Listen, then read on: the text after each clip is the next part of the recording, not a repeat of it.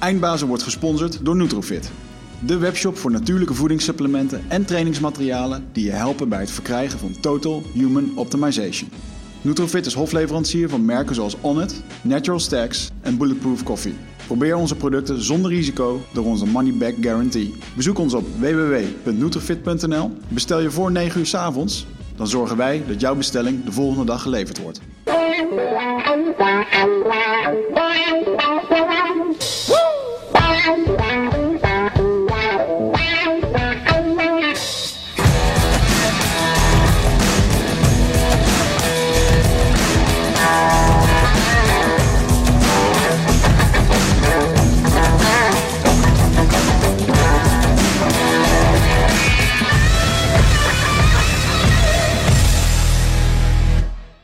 Back in Space. Back in Space.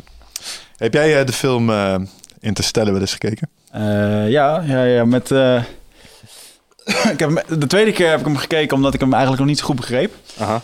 En omdat ik toen ehm ehm, sterrenkundige Neil deGrasse Tyson... die had op Twitter...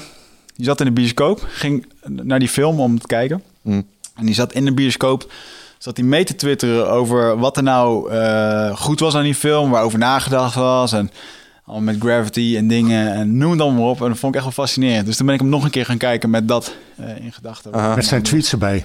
dat is dan helemaal Met zijn mooi. tweets. Ja, dat vond ik echt. eh, vond, ik hem, vond ik heel mooi om dat te zien. En toen zag ik hem laatst nog een keer en toen dacht ik, ja, dit is echt gewoon, het is echt goed in elkaar Mm. gezet. Ja, nou, ik heb hem, ik heb hem een paar keer gekeken. Maar zelfs met eh, zeg maar die kennis van Neil deGrasse Tyson erbij, krijg ik mijn hoofd gewoon niet om sommige stukjes uit die film heen. Weet je wel, met name dat stuk waarin ze dan eh, op een planeet rondom een zwart gat eh, aan de slag gaan. En één uur daar is zes uur op Ja. zeg maar, het schip boven die planeet die daar zweeft. En ik probeer ermee te worstelen in mijn hoofd. En ik probeer het te begrijpen, maar het lukt gewoon niet. En Ja. dat was de reden voor ons, omdat we dit soort dingen echt fascinerend vinden. Het universum, eh, zwarte gaten, sterren, de- Big Bang. eh, om daar eens met een eh, echte eindbaas over te spreken. Nou, dat is volgens mij wel gelukt, want we hebben vandaag in de studio Govert Schilling. Welkom, Govert. Dankjewel. Ehm, Leuk om hier te zijn. Allereerst mijn eh, complimenten voor jouw eh, zeer indrukwekkende lijst met boeken. Je hebt meer dan, ik, ik heb ze niet allemaal geteld. Ik ben Nee, gestopt met tel tellen bij niet. 30, zeg maar. Maar het waren er echt heel veel. Ja. ja, weet je, het is iets wat ik kan. Een van de weinige dingen die ik goed kan, denk ik. En dan vul je daar je tijd maar mee. Dus ik doe het ook al heel lang. Dus eh, ja. Ja, en volgens mij ook wel over een onderwerp wat je, wat je heel erg aanspreekt. Want het is allemaal natuurlijk in de, in de astronomie en ja. de natuurkunde. Ehm, ja, we, we, we begonnen net al even over Interstellar en over zwarte gaten. Mhm. En over ehm, hoe ongelooflijk mindboggling eh, het soms Ja. daarbuiten is. Zeg Ja. maar, als je kijkt naar wat we hier gewend zijn als eh, aapjes in ons leven. Hoe we dat eh, meemaken en hoe het dan daarbuiten is. Hoe is jouw fascinatie met, met de ruimte en alles wat daarmee te maken heeft ooit begonnen? Ja, niet door dit soort dingen in ieder geval. Want ik was een, een jong tienertje in de jaren, eh, eind jaren 60, begin jaren 70. En eh, eigenlijk begon die fascinatie door het Apollo-programma. De eerste reizen naar de maan.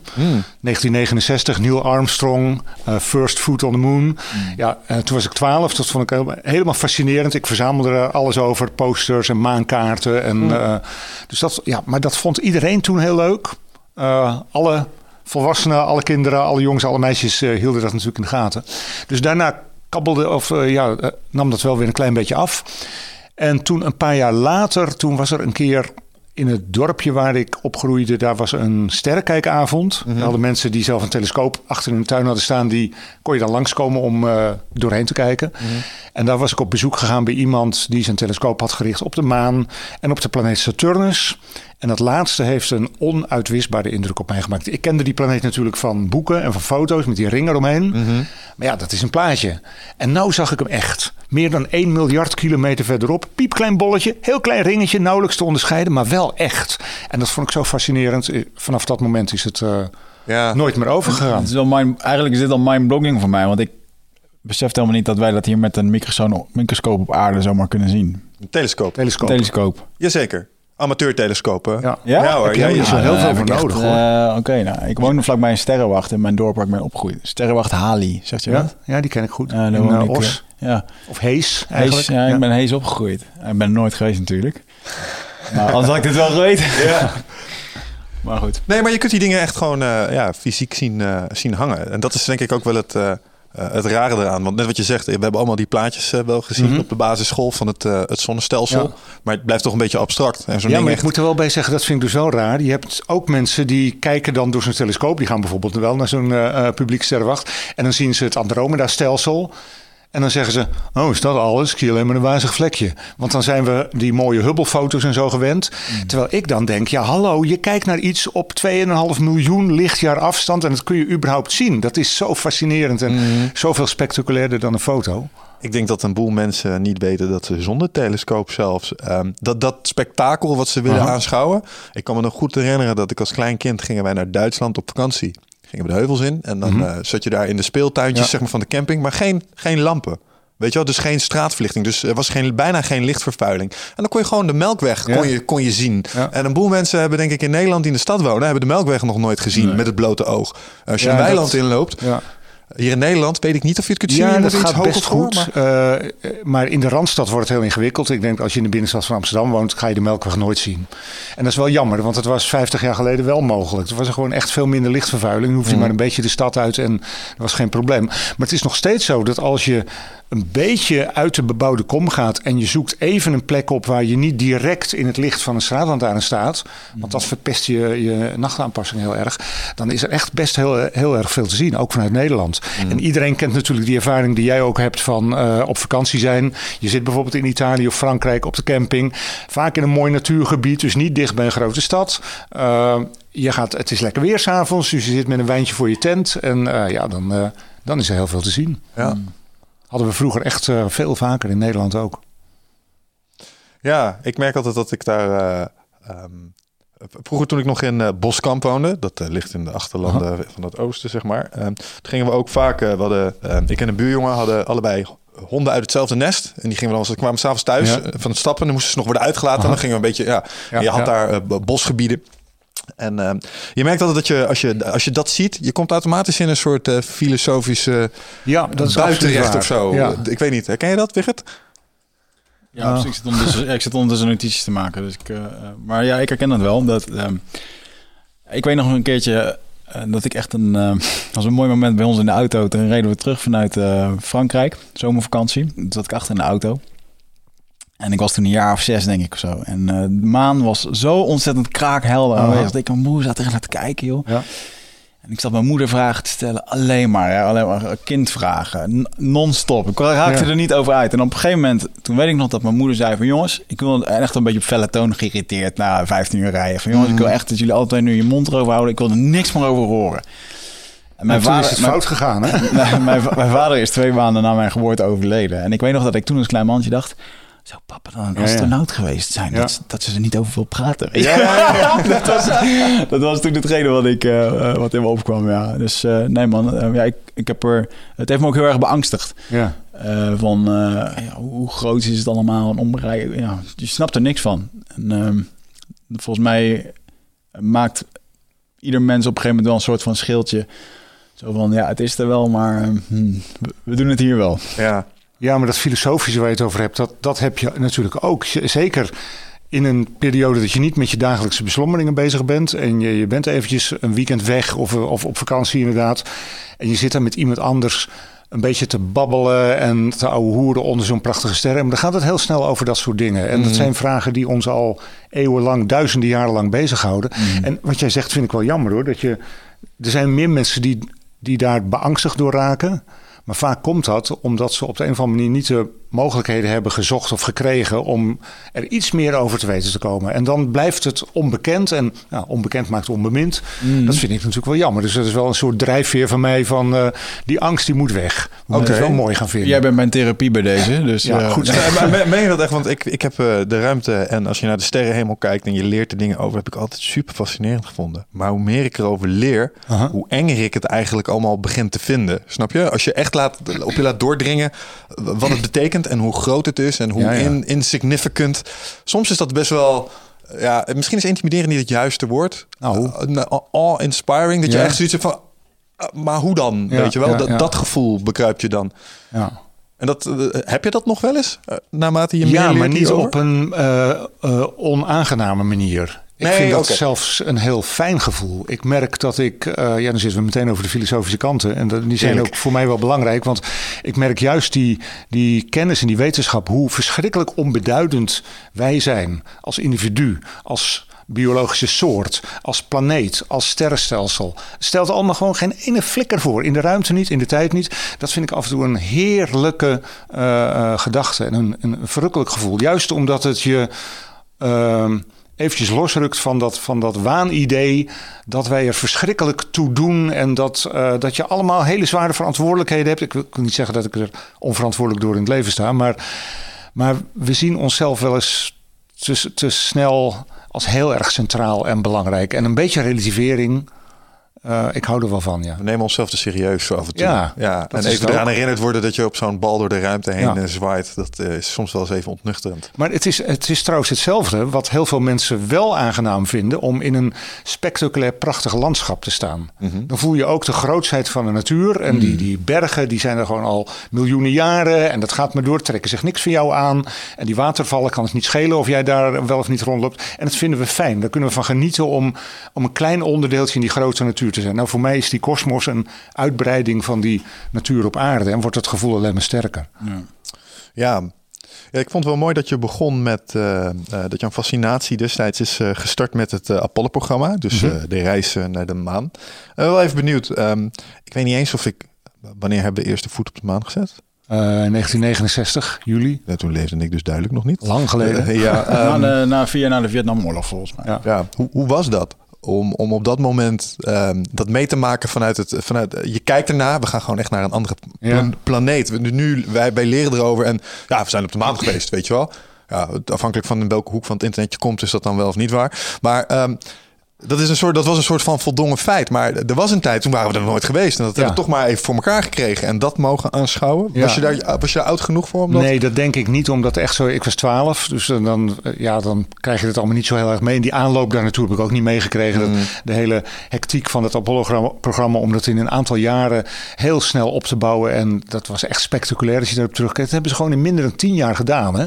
Vanaf helemaal niks. Was gewoon nog niks. Er waren geen blauwprinten, geen tekeningen. Gewoon denken, wij willen naar de maan. Alle testvluchten, alle raketten ontwerpen, de ruimteschepen, astronauten trainen, koppelen in de ruimte. Alles gedaan binnen 10 jaar en ze staan op de maan. En met redelijke paperclip eh, en touwtjesoplossingen Ja, soms. dat valt wel mee, maar het waren natuurlijk wel de technologieën van de jaren 60. En En dat bedoel ik, want ik zag vanochtend toevallig een foto van een mevrouw die had eh, meegeholpen aan het programmeren Aha, van, eh, ja. van het apparaat. En dat ging dan nog op papier en dan Ja. al, al die boeken. Ja, en dat, was, dat was een toren die was even groot als zij zelf was. En dat waren dan de instructies Ja. voor dat apparaat die gewoon nog met de hand werden geschreven destijds.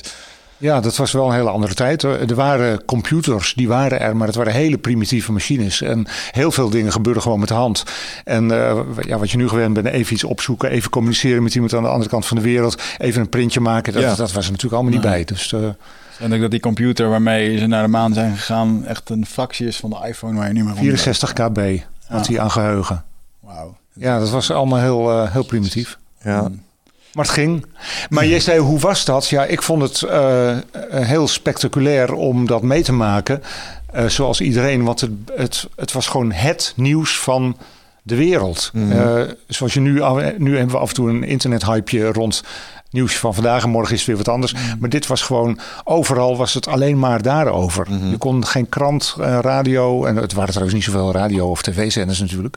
Maar alles wat je tegenkwam stond in het teken van die maanlanding. En eh, ja, in die zin was het wel een van de grootste gebeurtenissen van de vorige eeuw. Ja. Ja, zo grappig dat je het zegt, want die Neil deGrasse Tyson loopt ook altijd te hameren op dat het feit dat budgetten worden afge, eh, afgekapt, weet Aha. je wel, wordt steeds minder gegeven. En hij reflecteert ook altijd terug naar dat moment waarin alles, eh, de revolutie van de auto en eh Ford dat opkwam in Amerika, maar ook de, eh, de ruimte, ruimte-exploratie en de wedstrijd tegen Rusland, van wie was er het eerste en heel, heel de natie was gewoon Ja. thriving op, Ja, op, ja, op dat stukje technologie. Maar dat kwam natuurlijk ook door die Koude Oorlog met, met de voormalige Sovjet-Unie. Als dat er niet was geweest, als er niet een militaire achtergrond was geweest, dan was dat budget er ook nooit voor beschikbaar geweest. Er was echt zoiets van: wij zullen, wij moeten en wij gaan laten zien dat wij op rakettechniek de Russen de baas zijn. Dat kunnen we doen door een bom op Moskou te gooien. Maar ja, dat is niet de slimste manier. Dus we gaan laten zien dat wij heel precies op een maan kunnen landen. Nou, dan begrijp je dat je dat ook op aarde kan. En dat, is, uh, dat is eigenlijk de achtergrond van het hele bemande maanprogramma. Ja. En daarvan is ooit gezegd van, maakt niet uit wat het kost. Zo was het eigenlijk. Ja, ook in termen van mensenlevens. Ik heb uh, het, het, verhaal van Yuri Gagarin is volgens mm -hmm. mij dat hij eigenlijk... Um, eigenlijk zou Yuri Gagarin, um, die is de eerste mens die zeg maar de ruimte in is geweest en weer ja. terug is gekomen. Maar die had een collega uh, en die mocht de dag ervoor of uh, een vlucht ervoor. En he didn't make it. Nee, wat is nee er ja, dus het hitteschild is gefaald in de re-entry en hij is levend verbrand in die capsule. En ze wisten stiekem al wel, ja, dit gaat niet lukken. Maar onder druk van, ja, maar de, de USA wel, oh, ja. ja. hebben ze hem toch de ruimte ingeschoten. En, dan, en die gast heeft zich een soort van opgeofferd voor Yuri, want die wist dat dat niet zou gaan lukken. En er zijn de geluidsopnames van zijn terugkeer. Ah, dat heb ik gehoord. Dat is ja. niet leuk. Ja, ja, dat, is echt niet leuk. Ik ken, ik ken dat verhaal niet hoor. Ik weet dat er Russische cosmonauten omgekomen zijn bij de landing. Daar zijn geluidsopnames van. En daar was een technisch probleem met de.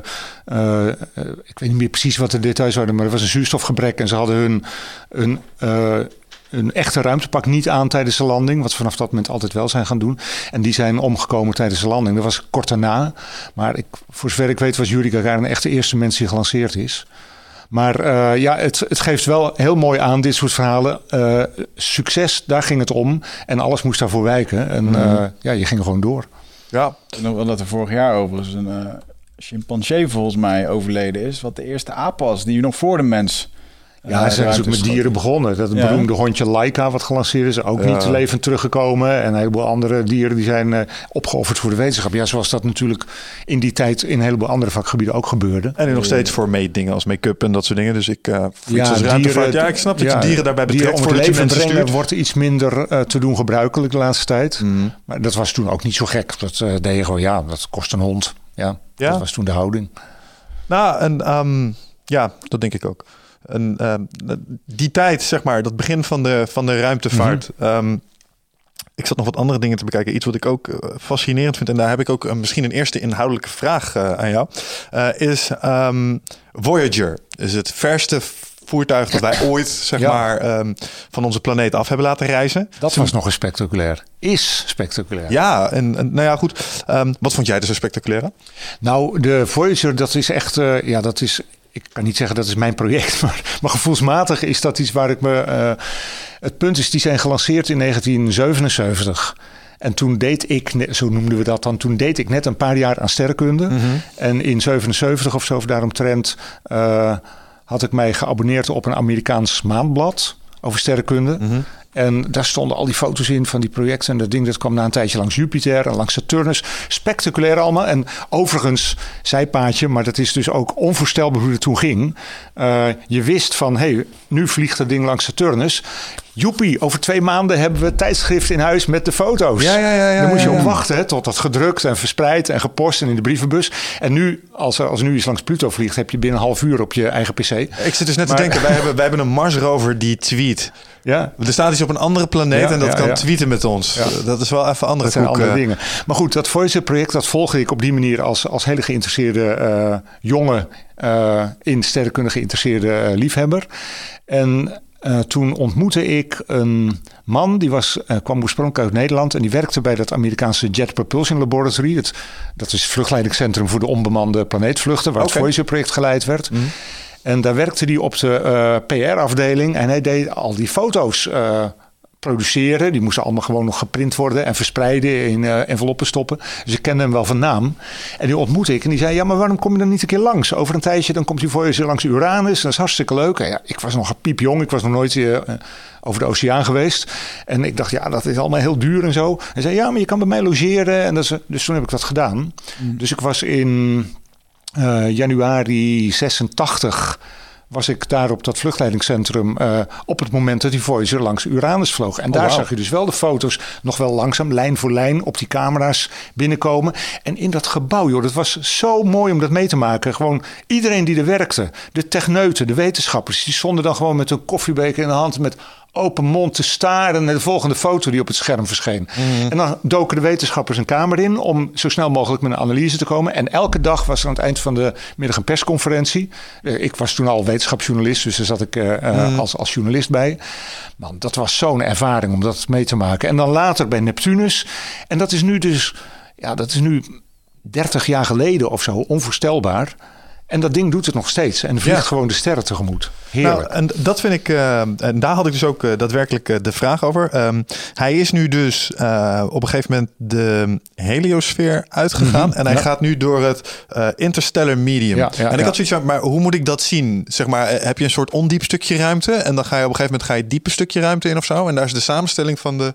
Ja, je merkt het als, als jij of ik er zou zitten en uit het raampje zou kijken, zou je geen verschil zien. Oké.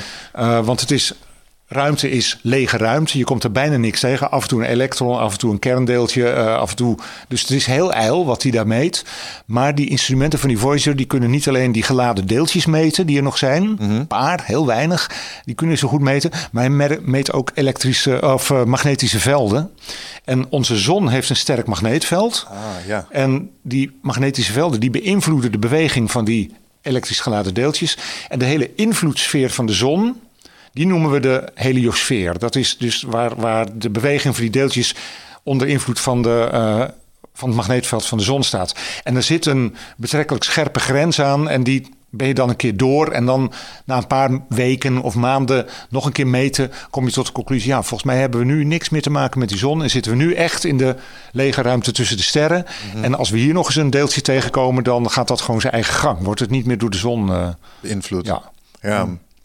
Ja, ik vind dat echt een, eh, een eh, fascinerend appara- apparaat in de zin van... ehm, het is ons... ehm, de- met name de Golden Record Aha. die ze erop op hebben, Ja. hebben genomen. Ken je dat? Nee? Eh, op dat ding hebben ze dus een soort plaatje gedrukt. Ehm, en daar staan, ehm, ik geloof dat elke taal van de wereld zegt een kind er hallo in of zo. En ze hebben een paar liedjes hebben ze erop gezet. En een, een soort wiskundige weergave. Of, ehm, ja, da- daar kun je me misschien nog wel iets over uitleggen. Ze hebben een soort weergave van ons zonnestelsel erop gezet. Die maakt niet uit of je nou mens bent of misschien van een ander eh buitenaardsras. Dat ga je snappen, want het is wiskundig. Ja, een soort is- van basis, universele basis ligt Ja, eronder ja, of ja, zo. dat hebben ze geprobeerd. Het, het was een soort, weet je, die Golden Record, dat is een heel mooi eh, project geweest, maar het was vooral natuurlijk PR en promotie, want eh, niemand neemt het idee serieus dat die Voyager ooit door een buitenaardse intelligentie wordt gevonden. Dat ding is al jaren onderweg en voordat hij in de buurt van de volgende ster komt, zitten we 20.000 jaar verder. En eh, het, ja, op het melkwegstelsel stelt dat gewoon echt helemaal niets voor. Maar het idee is wel mooi. Dat je zegt van ik gooi een fles in de oceaan. Dat doe je eigenlijk op kosmische schaal. En dan kan ik er net zo goed een briefje in doen. En dat briefje, dat is die Golden Record. Overigens ontworpen door Carl Sagan. De grote leermeester van Neil deGrasse Tyson. Ehm, die heeft dat project eh, aangezwengeld samen met zijn toenmalige echtgenoot en een collega van hem. En het is trouwens ook een echte fysieke LP, hè? een ouderwetse. Het is een beeldplaat. En eh, er staat zelfs eh, in rudimentaire eh symbooltje staat aangegeven dat je, ja, dat je iets met een naald aan moet doen en trilletjes moet opvangen om het te begrijpen. Ehm, maar ja, wat je zei, er staan foto's op, een heleboel foto's van allerlei dingen, aspecten van het leven op aarde. Eh, groeten in allerlei talen, beroemde muziek, klassieke muziek, maar ook eh, Johnny B. Good van eh, Chuck Berry. En staat van alles op. En het idee is een beetje een soort visitekaartje van de mensheid aan de interstellaire ruimte. En wat je zei over die plattegrond van het zonnestelsel, dat hebben ze gedaan door de positie van de zon aan te geven ten opzichte van pulsars. Dat zijn hele snel knipperende sterretjes in ons melkwegstelsel die je op enorme afstanden kan zien. Dus het idee is dan als er aliens zijn en die zien over welke pulsars wij het hebben, dan kunnen ze met behulp van dat eh, van die plaketten ook Oh, achterhalen waar die Voyager vandaan Als komt. jij een intelligente beschaving bent, dan weet jij wat een pulsar is. Dat als hoop je, astronomie doet. ja, en dan weet weet je, dat is- dat, ja, ja, ja, ja. Het is een soort eikpunt. Ja, een soort eikpunt. Ik, ik moet wel zeggen, het is, het is ook wel een raar concept aan één kant. Hè? Want je maakt iets waarvan je denkt, ja, hoe kun je het ook maar bedenken dat er ergens een andere levensvorm is die hier ooit chocola van zou kunnen maken? Dat is best raar om je dat voor te stellen. Aan de andere kant is het ook zo, als wij iets zouden vinden in de ruimte wat heel duidelijk van een andere beschaving afkomstig is, dan snap je er natuurlijk ook geen flikker van. Maar dan zeg je niet na een week proberen, nou jongens, we geven het op. Nee. Dan ga je gewoon generaties lang Ja. op puzzelen natuurlijk. Dus ja, je weet het niet. Maar is het zo dat, ehm en daar heb ik me, me vaker afgevraagd, hè, eh, eh, leven, is er iets wat, wat leven dat ook op een andere planeet ontstaan zou kunnen zijn en, en wij overeenkomstig hebben? Ik zeg wel eens, eh, zeg maar, het idee wat ik wel eens heb, zeg maar, 1 en 1 is toch altijd 2? Ja. Dus als ik, dus Ja, als ik dat- een puntje en Ja, een teken ja, en een puntje en ik maak daar twee puntjes van, dan snapt toch ook iets anders? Aha. Dat, toch? Ja, dat is, Maar dan dat denk ik, laat je. het aan een dolfijn zien en ik denk, ja, het zal wel. Ja, een dolfijn misschien nog wel. Eh, zo. Oké, misschien nog, ja, ja, ja. Maar, eh, maar ja, maar, maar niet begrijpen is iets anders dan dat het niet waar is. Hè? Kijk, een, een egel snapt misschien niet 1 en 1 is 2, maar ook voor een egel is dat wel waar. Als die, dat is een goed punt. eh, Ja, ja, ja, de vraag is of het ook waar is op een universele manier. En Hmm. de wiskunde wordt wel heel vaak gezien als iets wat universele waarheid heeft. Mhm. En daarom worden al die boodschappen, we hebben ook eens boodschappen de ruimte ingestuurd, gewoon met een radiotelescoop. Dat schiet wat meer op, want het gaat met Ja. de lichtsnelheid. Eh, en dat zijn dan hele gecodeerde ideeën waar wiskundigen nadenken over een soort universele taal die iedereen zou moeten kunnen begrijpen en ontcijferen. Ja, dan maak je gebruik van de technieken uit de wiskunde. En dan denk je, ja, wat voor ons een priemgetal is, moet voor iemand anders ook een priemgetal zijn. Als ze niet weten wat een priemgetal is, dan snappen ze het niet. Maar als ze slim genoeg zijn om priemgetallen te begrijpen, dan kennen ze dezelfde priemgetallen als wij. Want wiskunde is universeel. En er zijn een aantal mensen die daaraan twijfelen. Maar niet veel. Maar niet zoveel. De meeste mensen die denken wel dat dat een soort eh, algemene waarheid is. Ja, ja. En daar Ja. merk ik al dat als het gaat om natuurkunde en wiskunde, zijn altijd vakken gevonden die ik heel moeilijk eh, vind. Omdat ik me dan, ja, maar sowieso een, een priemgetal. En, eh, de- de- maar hoezo is dat dan universeel voor al die, al die mensen? Snap Nou ja, je? net Dus- wat jij zegt, 1 en 1 is 2. Ja, dat geldt toch overal? Mhm, mhm. Ja, ja, precies. En dat is aan een veel simpeler niveau, alleen eh, Ja. op eh, ja, wiskunde op een hoger niveau. Ehm, we hebben het net al een klein beetje gehad over, eh, over Voyager, die Golden Record en aliens. eh buitenaardse beschavingen. Aha. Ik denk dat deel van de fascinatie ook is dat stel dat wordt gevonden Ja. door iets. Misschien nog niet eens omdat het ergens aankomt, maar omdat iets langs komt vliegen en denkt, hé, hey, wat is dat? En dan plots de afslag naar rechts neemt. En misschien was dat wel het einde van de mensheid. Ehm, maar waar, waar, waar sta jij daar ten opzichte van? Nou, om te beginnen is over wat je zegt van er komt iets langs vliegen. Een, een paar weken geleden, toen vloog er dus een vreemd object door ons zonnestelsel. Wordt ontdekt door automatisch werkende telescopen. Die worden steeds gevoeliger, dus hele kleine dingetjes kunnen ze nu ook oppikken. En die zien iets langs schieten. Sch- is vlak langs de zon gescheerd, heel sterk afgebogen door de zwaartekracht van de zon. En pas daarna werd hij ontdekt, dus hij is inmiddels het zonnestelsel alweer uit. En eh, daar werd natuurlijk heel erg veel over gegrapt. Van ja, kan ook een buitenaards ruimteschip zijn, hè, wat hier langskomt. Nou, we weten nu dat het een, een vreemd soort planetoïde is, een groot rotsblok, maar met allerlei bijzondere eigenschappen. Maar dat vliegt dus langs. En zodra dat gebeurt, merk je dat ook de wetenschapper zelf, met een knipoog toegegeven, maar die zegt toch ook al een beetje van ja, hey, eh, weten we zeker dat het niet eh, kunstmatig is? En eh, moeten we niet even radiosignalen proberen op te pikken? Of er worden linkjes gelegd naar eh, beroemde science fiction boeken waarin zoiets gebeurt. Ja, ja. Dus iedereen is met dat, met dat concept bezig. En ehm, ja, hoe, hoe sta ik daarin? Nou, om te beginnen heel enthousiast in de zin dat in de tijd dat ik met dit werk begon, schreef ik over allerlei sterrenkundige onderwerpen. Maar als ik aan een beroepsastronoom iets vroeg over buitenaards leven, dan eh, begon hij een beetje ongemakkelijk te lachen. En dan was het, ja, dat is geen wetenschap, dat is science fiction. En met dat soort flauwekul houden wij ons niet bezig. Men, men geneerde zich gemiddeld genomen een beetje om bezig te zijn met het nadenken over aliens, zeg ik dan niet maar. op hè. de brandstapel Kleine groene mannetjes, eh, dat Ja, was, ja, dat was. En we zitten nu in een periode dat we sinds... eh, nou, vlak voor de eeuwwisseling eh, zijn de eerste planeten bij andere sterren ontdekt. We weten dat het heelal wemelt van de planeten die ook heel veel op de aarde lijken. En we zijn bijna in staat om de dampkringen van die planeten te gaan besnuffelen en erachter te komen wat voor gassen daarin zitten op afstand. Ja, en dan ben je bijna op het niveau dat je biologische activiteit kan aantonen. Dus opeens is het een heel normaal wetenschappelijk onderzoeksgebied geworden. En dat vind ik fascinerend. Ja, de- de- ik denk het ook. Ik denk dat eh, ehm, met dat Kepler eh, van die exoplaneten begon te zien eh, dat Drake's equation Ja. een soort van waar zou kunnen worden. Ken je dat, Wigert? Nee. Dat is eh, de, de formule van de, nou, meneer Drake. En die heeft ooit eens een keer wiskundig uitgeprobeerd te drukken hoe waarschijnlijk het is dat er uh, buitenaards leven is. Als je ervan uitgaat dat één op de zoveel sterren een planeet heeft, uh, planeten heeft. Dat dan één op de zoveel van die planeten weer op een gunstige afstand van zijn zon zeg maar circuleert. En als daar dan nog weer eens een percentage lucht en water van heeft. En daar dan nog weer eens een heel klein percentage intelligent leven. Mm. Um, dan zouden er alsnog, ik geloof, biljoenen ja, dus beschavingen in het universum moeten zijn. Als je al die factoren die hij zegt van eh, kijk, het moet daar nog voldoen en daaraan en daaraan en dan daar nog aan en dan nog zus en dan nog zo. Als je al die factoren heel pessimistisch inschat, echt heel pessimistisch, dan kom je in ons melkweg zelfs nog op duizenden intelligente uh, beschavingen, bij wijze van spreken. Maar de laatste factoren, als het gaat over hoe gaat het met de evolutie van het leven, hoe waarschijnlijk is de ontwikkeling van intelligentie en van een technologische beschaving, daar weten we echt helemaal geen flikker van. Dus dat is, een, dat is heel erg speculatief. Maar die eerste, waar die toen hij met die vergelijking begon,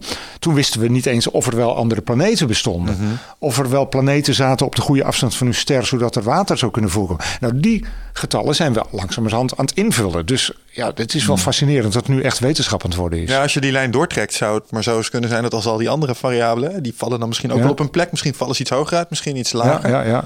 Alleen dan is de vraag, als dat allemaal klopt, waar zijn ze dan? Ja, precies. Ze zijn al hier, jongen. Ze zijn al hier. Ik, ik nou, werk er meteen. ik heb inside knowledge, jongens. Ja, nee, maar um, daar wordt ook over nagedacht momenteel door knappe koppen. Daar hebben ze volgens mij ook zelfs een naam voor, de Fermi-paradox. Ja, de Fermi-paradox, dat was een hele leuke. Dat was van uh, Enrico Fermi, Italiaanse natuurkundige in de jaren 30 al. Dat is lang geleden. Of toen, tenminste, toen deed hij zijn belangrijkste werk. Dit komt geloof ik van kort na de Tweede Wereldoorlog. En die zat in een discussie over uh, buitenaardse intelligenties. En toen zei hij dat plotseling zo out of the blue, where are they?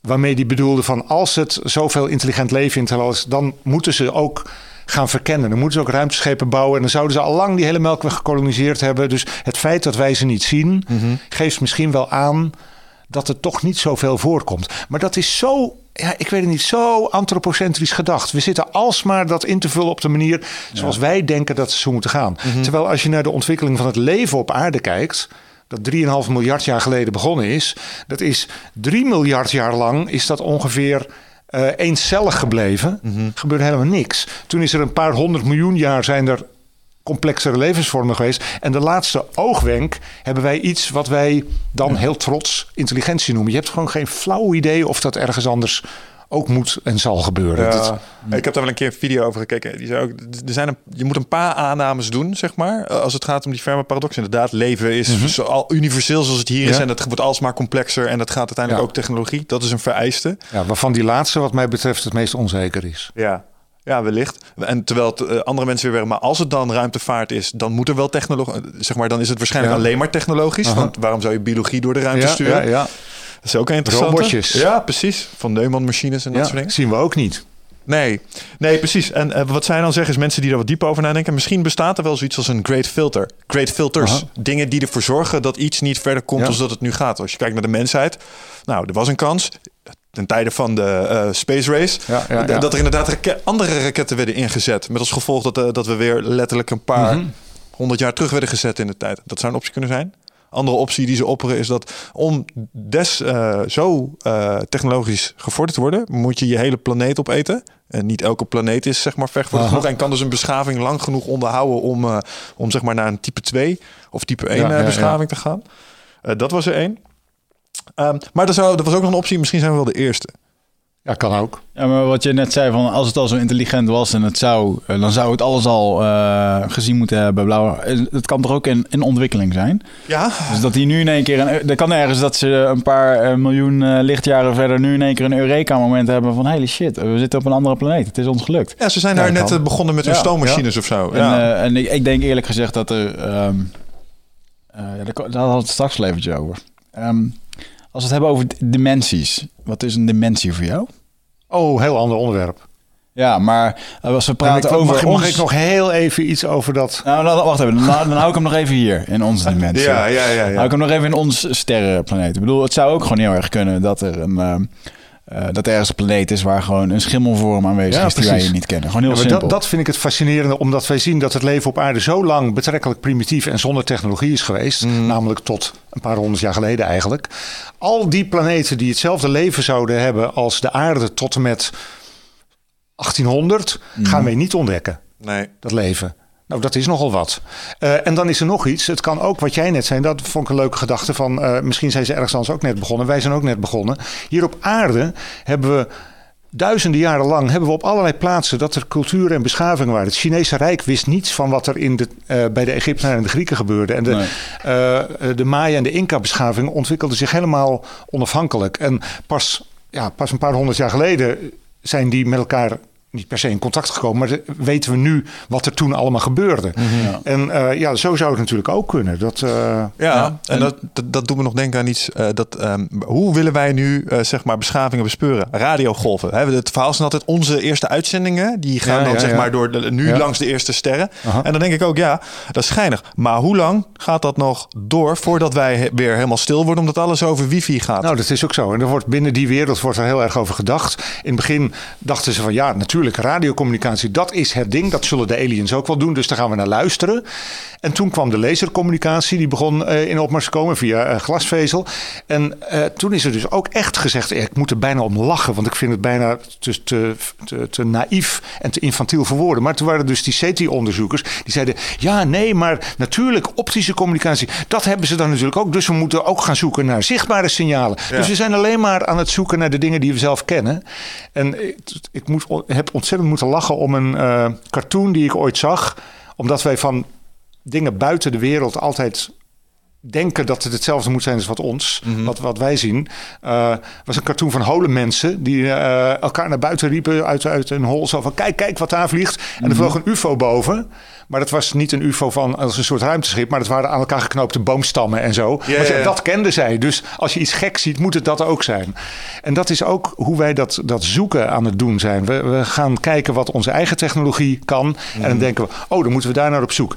En mijn reactie erop is echt van wanneer gaan we dan eh, eh, bedenken eh, of ze de CD-speler al hebben uitgevonden en of ze sinaasappelsap lekkerder vinden dan witte wijn of zo. Het, is, het is te krankzinnig voor woorden om alsmaar te bedenken dat iets wat op een andere planeet met eencellige organismen begint, dat dat na miljarden jaren evolutie op iets uitkomt wat zo sterk lijkt op wat wij doen. Dat, ik kan me dat gewoon niet voorstellen. Tenzij panspermia een ding is. Ja, dat kan ook. Maar dan nog. waar, we, is- waar we het hier laatst over hebben gehad, want jij zei schimmels. En dat deed me even denken aan die. ehm, ehm, ben je Star Trek of Star Wars fan? Ah, nou, geen van beide heel erg groot, maar dan toch in ieder geval Star Wars. Oké, ja, nou check. eh, ehm, de nieuwe Star Trek heeft een concept erin en dat heet het Mycelium Network. En dat gaat over schimmels en dat soort dingen. En eh, er is recent echt onderzoek geweest dat hier op aarde dat er een heel groot netwerk is van schimmels en Ja. fungi en dat soort dingen. Ehm, die eh, ook de andere ecosystemen voor een sterk deel aansturen. Dus een soort overkoepelende intelligentie. Het wordt ook wel als een soort bewijs van plant intelligence Aha. te zien. En dat deed me heel erg denken aan wat Wigert zei. Wij zoeken ook wel echt naar dingen die rechtop lopen, een ogen hebben Ja. en een mond en dat soort dingen. En een van de dingen die mijn brein daar een beetje braken was. Ja, zo'n schimmel zou op enig niveau op een gegeven moment ook als intelligent Ja. en met agency Ja. kunnen worden beschouwd, maar wij dichten die eigenschappen helemaal Ja. niet toe. En eh, als we, als we, want wij kijken echt, we zoeken onszelf een beetje in, in dat universum. En ik denk dat je gelijk hebt. Eh, dat het ook maar zo in een compleet andere vorm. Wat, wat jij zei, Ja. dan kan het ook in een, li- een Ja, licht bestaan. dat- of zo. maar dan- Maar ik vind het precies wat jij zei. eh, dat is wat ik, wat ik helemaal zo aanvoel. Wij, wij zijn, die, dat hele SETI-programma, die Search for Extraterrestrial Intelligence, dat is eigenlijk een zoektocht naar onszelf. En misschien is dat niet zo erg. En misschien is het goed om dat te gebruiken als vehikel om na te denken over je eigen bestaan en over je eigen plaats in het grote geheel. Maar ik, eh, ik, ik durf er wel een eh, aardig bedrag onder te verwedden dat dat project geen succes heeft de komende 30 jaar. Ik heb nog één andere theorie waarom we nog niet gevonden, eh, waarom we nog niks gevonden hebben. Maar de Voyager verbrak dat een klein beetje. We zitten in quarantaine. Ja, kan Het, zou ook nog wel eens kunnen zijn dat we op een gegeven moment het sterrenstelsel uit willen. En dat we dan bij een soort bordje komen. Don't feed the humans, weet je wel. Steer clear. Wij zijn de dierentuin, ja. Ja, we zijn er nog niet helemaal klaar voor. Ja, Maar ja, dat is ook het concept achter Star Trek natuurlijk. Hè. Zodra Maar- je warp krijgt als beschaving, dan komen En ik vind het allemaal hele fascinerende gedachten. En voor mij is dat dus wel allemaal gelukkig dat er mensen zijn die met die gedachten spelen. Maar dat is voor mij allemaal hele aangename, tijdverdrijvende science fiction. Ja. Lees daar een lekker eh, fantasy eh, boek over, eh, of waarin dat idee wordt uitgewerkt. Heerlijk om er op die manier over te filosoferen. Maar we weten er veel te weinig van om ook met te denken dat dat iets te maken kan hebben met, met de werkelijkheid. Ik denk dat je er veel verstandiger aan, aan doet om gewoon te zeggen. We don't know, Mhm. dus we gaan maar uitzoeken. En je kan wel honderd dingen bedenken, maar daar schiet je uiteindelijk niks meer op. Denk je niet dat science fiction een rol heeft in het vormen van onze toekomst dan? Als je kijkt naar bijvoorbeeld de invloed Jawel. die Star Trek heeft gehad op iets zoals een iPhone. En, Ja, en ja, dat soort ja. dingen. Nee, natuurlijk heeft het een rol in het eh, stimuleren van de, de creativiteit van mensen. En die worden er ook door beïnvloed. Ik bedoel, als je de, de beroemde film Space Odyssey gaat kijken, daar eh, werken ze met iPads eigenlijk. Ja. Dat is daar bijna letterlijk van afgekeken. Mobiele telefoon. Die bestond er toen nog niet. En, eh, en grote science fiction schrijvers die hebben eh, ontwikkelingen in de, in de technologie en in de ruimtevaart beschreven. Eh, ik ken een boek van Robert Heinlein waarin hij het had over een apparaatje wat je om je pols had. En daarmee stond je in contact met een eh, grote centrale computer die alle informatie over de hele wereld beschikte. Was eigenlijk het, Ja. het wearable internet. Ja. Alleen dan met de fout dat het één centrale computer was in plaats van gedeeld. Dat, daar zat hij dan iets mis mee. Arthur Clarke, die de geostationaire satellieten heeft eh, verzonnen. Ehm, dus ja, die rol is er zeker. Maar, maar die, die meneer had vroeger een serie op Discovery, nietwaar? Eh, Arthur C. Clarke Clarke. had The een, eh, Mysterious ja, World of Arthur C. Clarke. Met Ja. zo'n met zo'n eh, kristallen schedel Ja, altijd. precies. Ja, Ja, ja, hij is toch van die quote als iets ja, genoeg wetenschappelijk, technologisch vergevorderd Ja. is, lijkt het magie Ja. of zoiets was ja, het? daar zoiets komt het. Everything that's nou, ver genoeg buiten onze eigen ervaring looks like magic. ja. Ja, dat is mooi. ja, dat was een goeie. Ja. Huh. Mag, Um, ik, mag ik even een zijstapje maken naar wat jij straks al had, hè? die eh, andere levensvormen en dingen? Ik heb dat vaker hier eh, geopperd, dat er een, eh, die buitenaardse vorm zou ook in een vorm, als je even je fantasie erop los laat gaan, in de vorm van bijvoorbeeld licht kunnen zijn. Of in mijn optiek zou er ook ergens een planeet moeten zijn waar bijvoorbeeld mensen rondlopen die gevuld zijn met een vorm van met gewoon water wat rondloopt. Als je de juiste gravity hebt en de juiste biochemie, dan, dan zou dat moeten kunnen. Mm, maar is dat iets wat ehm, in dit sterrenstelsel wat wij kennen, of tenminste wat we kennen, wat we proberen te ex- exploreren, eh, eh, is dat iets wat ehm, mogelijk is volgens jou? Of moeten we daarvoor echt naar Levensvormen die op een nou, heel bijvoorbeeld andere... eh, over de levensvorm? Ik denk bijvoorbeeld dat ehm eh, Licht grotendeels water, hè? dus wat dat Ja, betreft is het wel eh, waar. ja, water, licht. Ik bedoel, Ja. wij zijn licht als je de microscoop erop legt. Ehm, eh, dat licht ook een vorm van bewustzijn kan zijn. Dus dat je bijvoorbeeld gewoon alien life ergens hebt, wat bijvoorbeeld gewoon een lichtstraal is. Wat een, Ja, eh, dat, is, dat vind ik ingewikkeld. Want, want bijna alles wat wij associëren met leven, maar dat is nog nooit go- goed gedefinieerd. Maar het heeft toch met hele complexe scheikunde te maken. En voor scheikunde heb je echt moleculen nodig. En lichtdeeltjes kun je geen scheikunde mee bedrijven. Ja, of ze moeten inwerken op moleculen. Dus ik kunnen denk, wij dat nog niet? Ja, dat, weet je, dat is, weer, dat is ook weer zo speculeren. Je kan natuurlijk altijd blijven zeggen van ja, misschien zou dat ook nog kunnen. Ja, wellicht. Maar, maar er zijn denk ik wel een aantal basisprincipes. Eh, waardoor het niet zo gek is dat als je denkt over buitenaards leven, dat je dan denkt in lijnen die een beetje liggen in wat we hier zien. Bijvoorbeeld, eh, er zijn heel veel mensen die zeggen tegen mij, als ik er wel eens een lezing over geef, zeggen ze: waarom zoeken wij nou altijd naar leven wat op koolstofchemie is gebaseerd? Kan toch ook heel anders? En dan denk ik, ja, dat zou eventueel anders kunnen, maar dit is het verhaal. Koolstof is een molecuul wat heel of een atoom wat heel makkelijk complexe moleculen maakt. En die heb je nodig voor ingewikkelde chemie en dus voor leven. Kan dat geen ander atoom zijn? Jawel, silicium kan dat bijvoorbeeld ook. Heeft dezelfde vergelijkbare eigenschappen. Maar er is in het heelal verschrikkelijk veel meer koolstof dan silicium. Niet zo gek dat wij overal in de ruimte tussen de sterren ingewikkelde koolstofverbindingen aantreffen. Echt de bouwstenen van het leven hier op aarde. We vinden geen hele ingewikkelde siliciumatomen, want daar is te weinig van. Ja. Dus dat, dat je bouwstenen van het leven zoals wij dat kennen, zie je overal in het heelal. Ja, logisch dat het leven hier ook daarmee aan de slag is gegaan. Maar dus waarschijnlijk ook ergens anders. Ja, het- Want dat is er. Het is toch ook dat eiwitten zijn toch ook een bouwsteen van, dat, eh, van, van sterrenstof? Ja, eiwitten kom je niet in de ruimte tegen, maar eh, de eh, eh, aminozuren, die, Ja. waar eiwitten eigenlijk uit, uit bestaan en uit zijn opgebouwd, die vind je in de ruimte tussen de sterren. En die vind je aan boord van kometen en meteorieten. Dus die komen ook, dat zijn niet van die hele ingewikkelde moleculen, maar behoorlijk complexe organische moleculen. En die vind je gewoon overal. Dus dan vind ik het een beetje raar om te zeggen, we, we kennen één plaats waar leven is ontstaan, dat is de aarde. Wat voor chemie gebruikt hij? Koolstofchemie. Eh, is dat gek? Nee, want overal in het heelal wemelt het van de ingewikkelde koolstofmoleculen. Dus eigenlijk best logisch. En dan gaan wij bedenken, " Ie, zou het op een andere planeet niet heel anders kunnen? Ja, misschien wel, maar niet zo voor de hand liggend. Hel- help mij hier eens even mee, hè? want ehm, je zegt eh, biologische moleculen, aminozuren en dat soort zaken. Dat is dus nog, dat, eh, dat, dat is op kometen, asteroïden en dat soort dingen is dat aangetroffen. Dat kan op die manier van de ruimte op een planeet komen. Hoe ver is dat nog verwijderd van leven? Want biologisch klinkt als ik zei, levend. ik zei niet biologisch, ik zei organisch. Oh, zo- of zo maar je hebt gelijk, ja. dat klinkt voor heel veel mensen als, als living. Ja. Maar met organisch wordt bedoeld dat het verbindingen zijn van koolstof, zuurstof, waterstof en stikstof. Juist. Dat zijn de CHON of de CHON molecules. Eh, die, die worden ge- eh, gegroepeerd in scheikunde als organische moleculen. Wat niet zegt dat het leven is, maar het is wel de scheikunde die aan de basis ligt van het leven zoals wij dat kennen. Ehm, Oké, dan kun je er aminozuren van maken. Die, kom je, die zijn bijvoorbeeld in kometen ontdekt. Niet van die hele ingewikkelde, niet zoveel, maar ze zijn er. Zijn ook moeilijk te detecteren. Dus er zijn er waarschijnlijk in de ruimte veel meer die we gewoon niet zo makkelijk kunnen zien. Eh, ja, dat zijn de fundamentele bouwstenen van eiwitten. Maar dat zijn nog lang geen eiwitten. Dus hoe ver ben je van leven vandaan? Nog een heel eind. Want leven heeft in ieder geval iets in zich van zelfreproductie. Heeft iets in zich, mag je denken, van eh, energie verwerken. eh, eh, van evolutiemogelijkheden. Eh, ja, dat is, eh, dat is nog steeds een groot raadsel hoe dat hier op aarde is. eh. En overigens niet mijn expertise. Maar daar ga je wel een keer een bioloog Ja, voor uitnodigen. Je camera moet je rechtop zetten. Je zit eh, te streamen op een... eh, mensen moeten nu een, een computer... eh, Ja, dat gaat niet werken. helaas. Dan kijken ze maar zijwaarts. Het zij zo.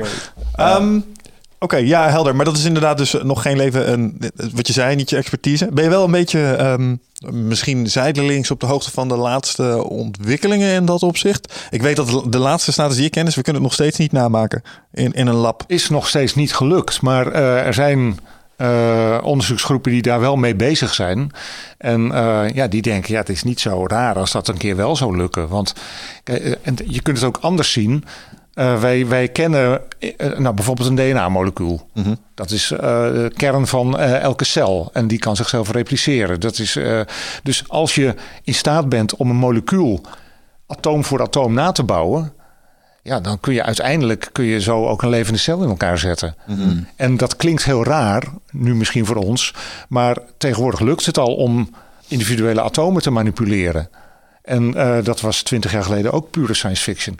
Dus wie weet wat er over 50 jaar mogelijk is. En is het misschien wel een keer denkbaar om te zeggen: oké, dit is het bouwplan van atomen. Die moet daar, die moet daar, die moet daar. Pik ze maar uit de dampkring, want die atomen kom je overal tegen. En zet het maar hier voor me in elkaar. Ja, maar dan heb je dus een stukje technologie wat eraan ten grondslag ligt om dat te kunnen doen. En Ja. eh, ik probeer dan altijd in elkaar te puzzelen. Ja, maar hoe, hoeveel toevalligheden eh, ze hebben er dan wel niet moeten plaatsvinden om deze samenstelling, zeg maar, in het wild eh, voor elkaar te krijgen. Zodat het, en dan kom je dus al van, ja, maar dit- dit- wij moeten het maken in een lab. Dus wij moeten het designen, anders krijgen we het niet Nee, geregeld. omdat wij het in, in één jaar voor elkaar willen krijgen. Of Ja, in ja. een mensenleven. Maar het is op aarde natuurlijk, is daar, eh, zij- zijn daar misschien wel tientallen miljoenen jaren overheen gegaan.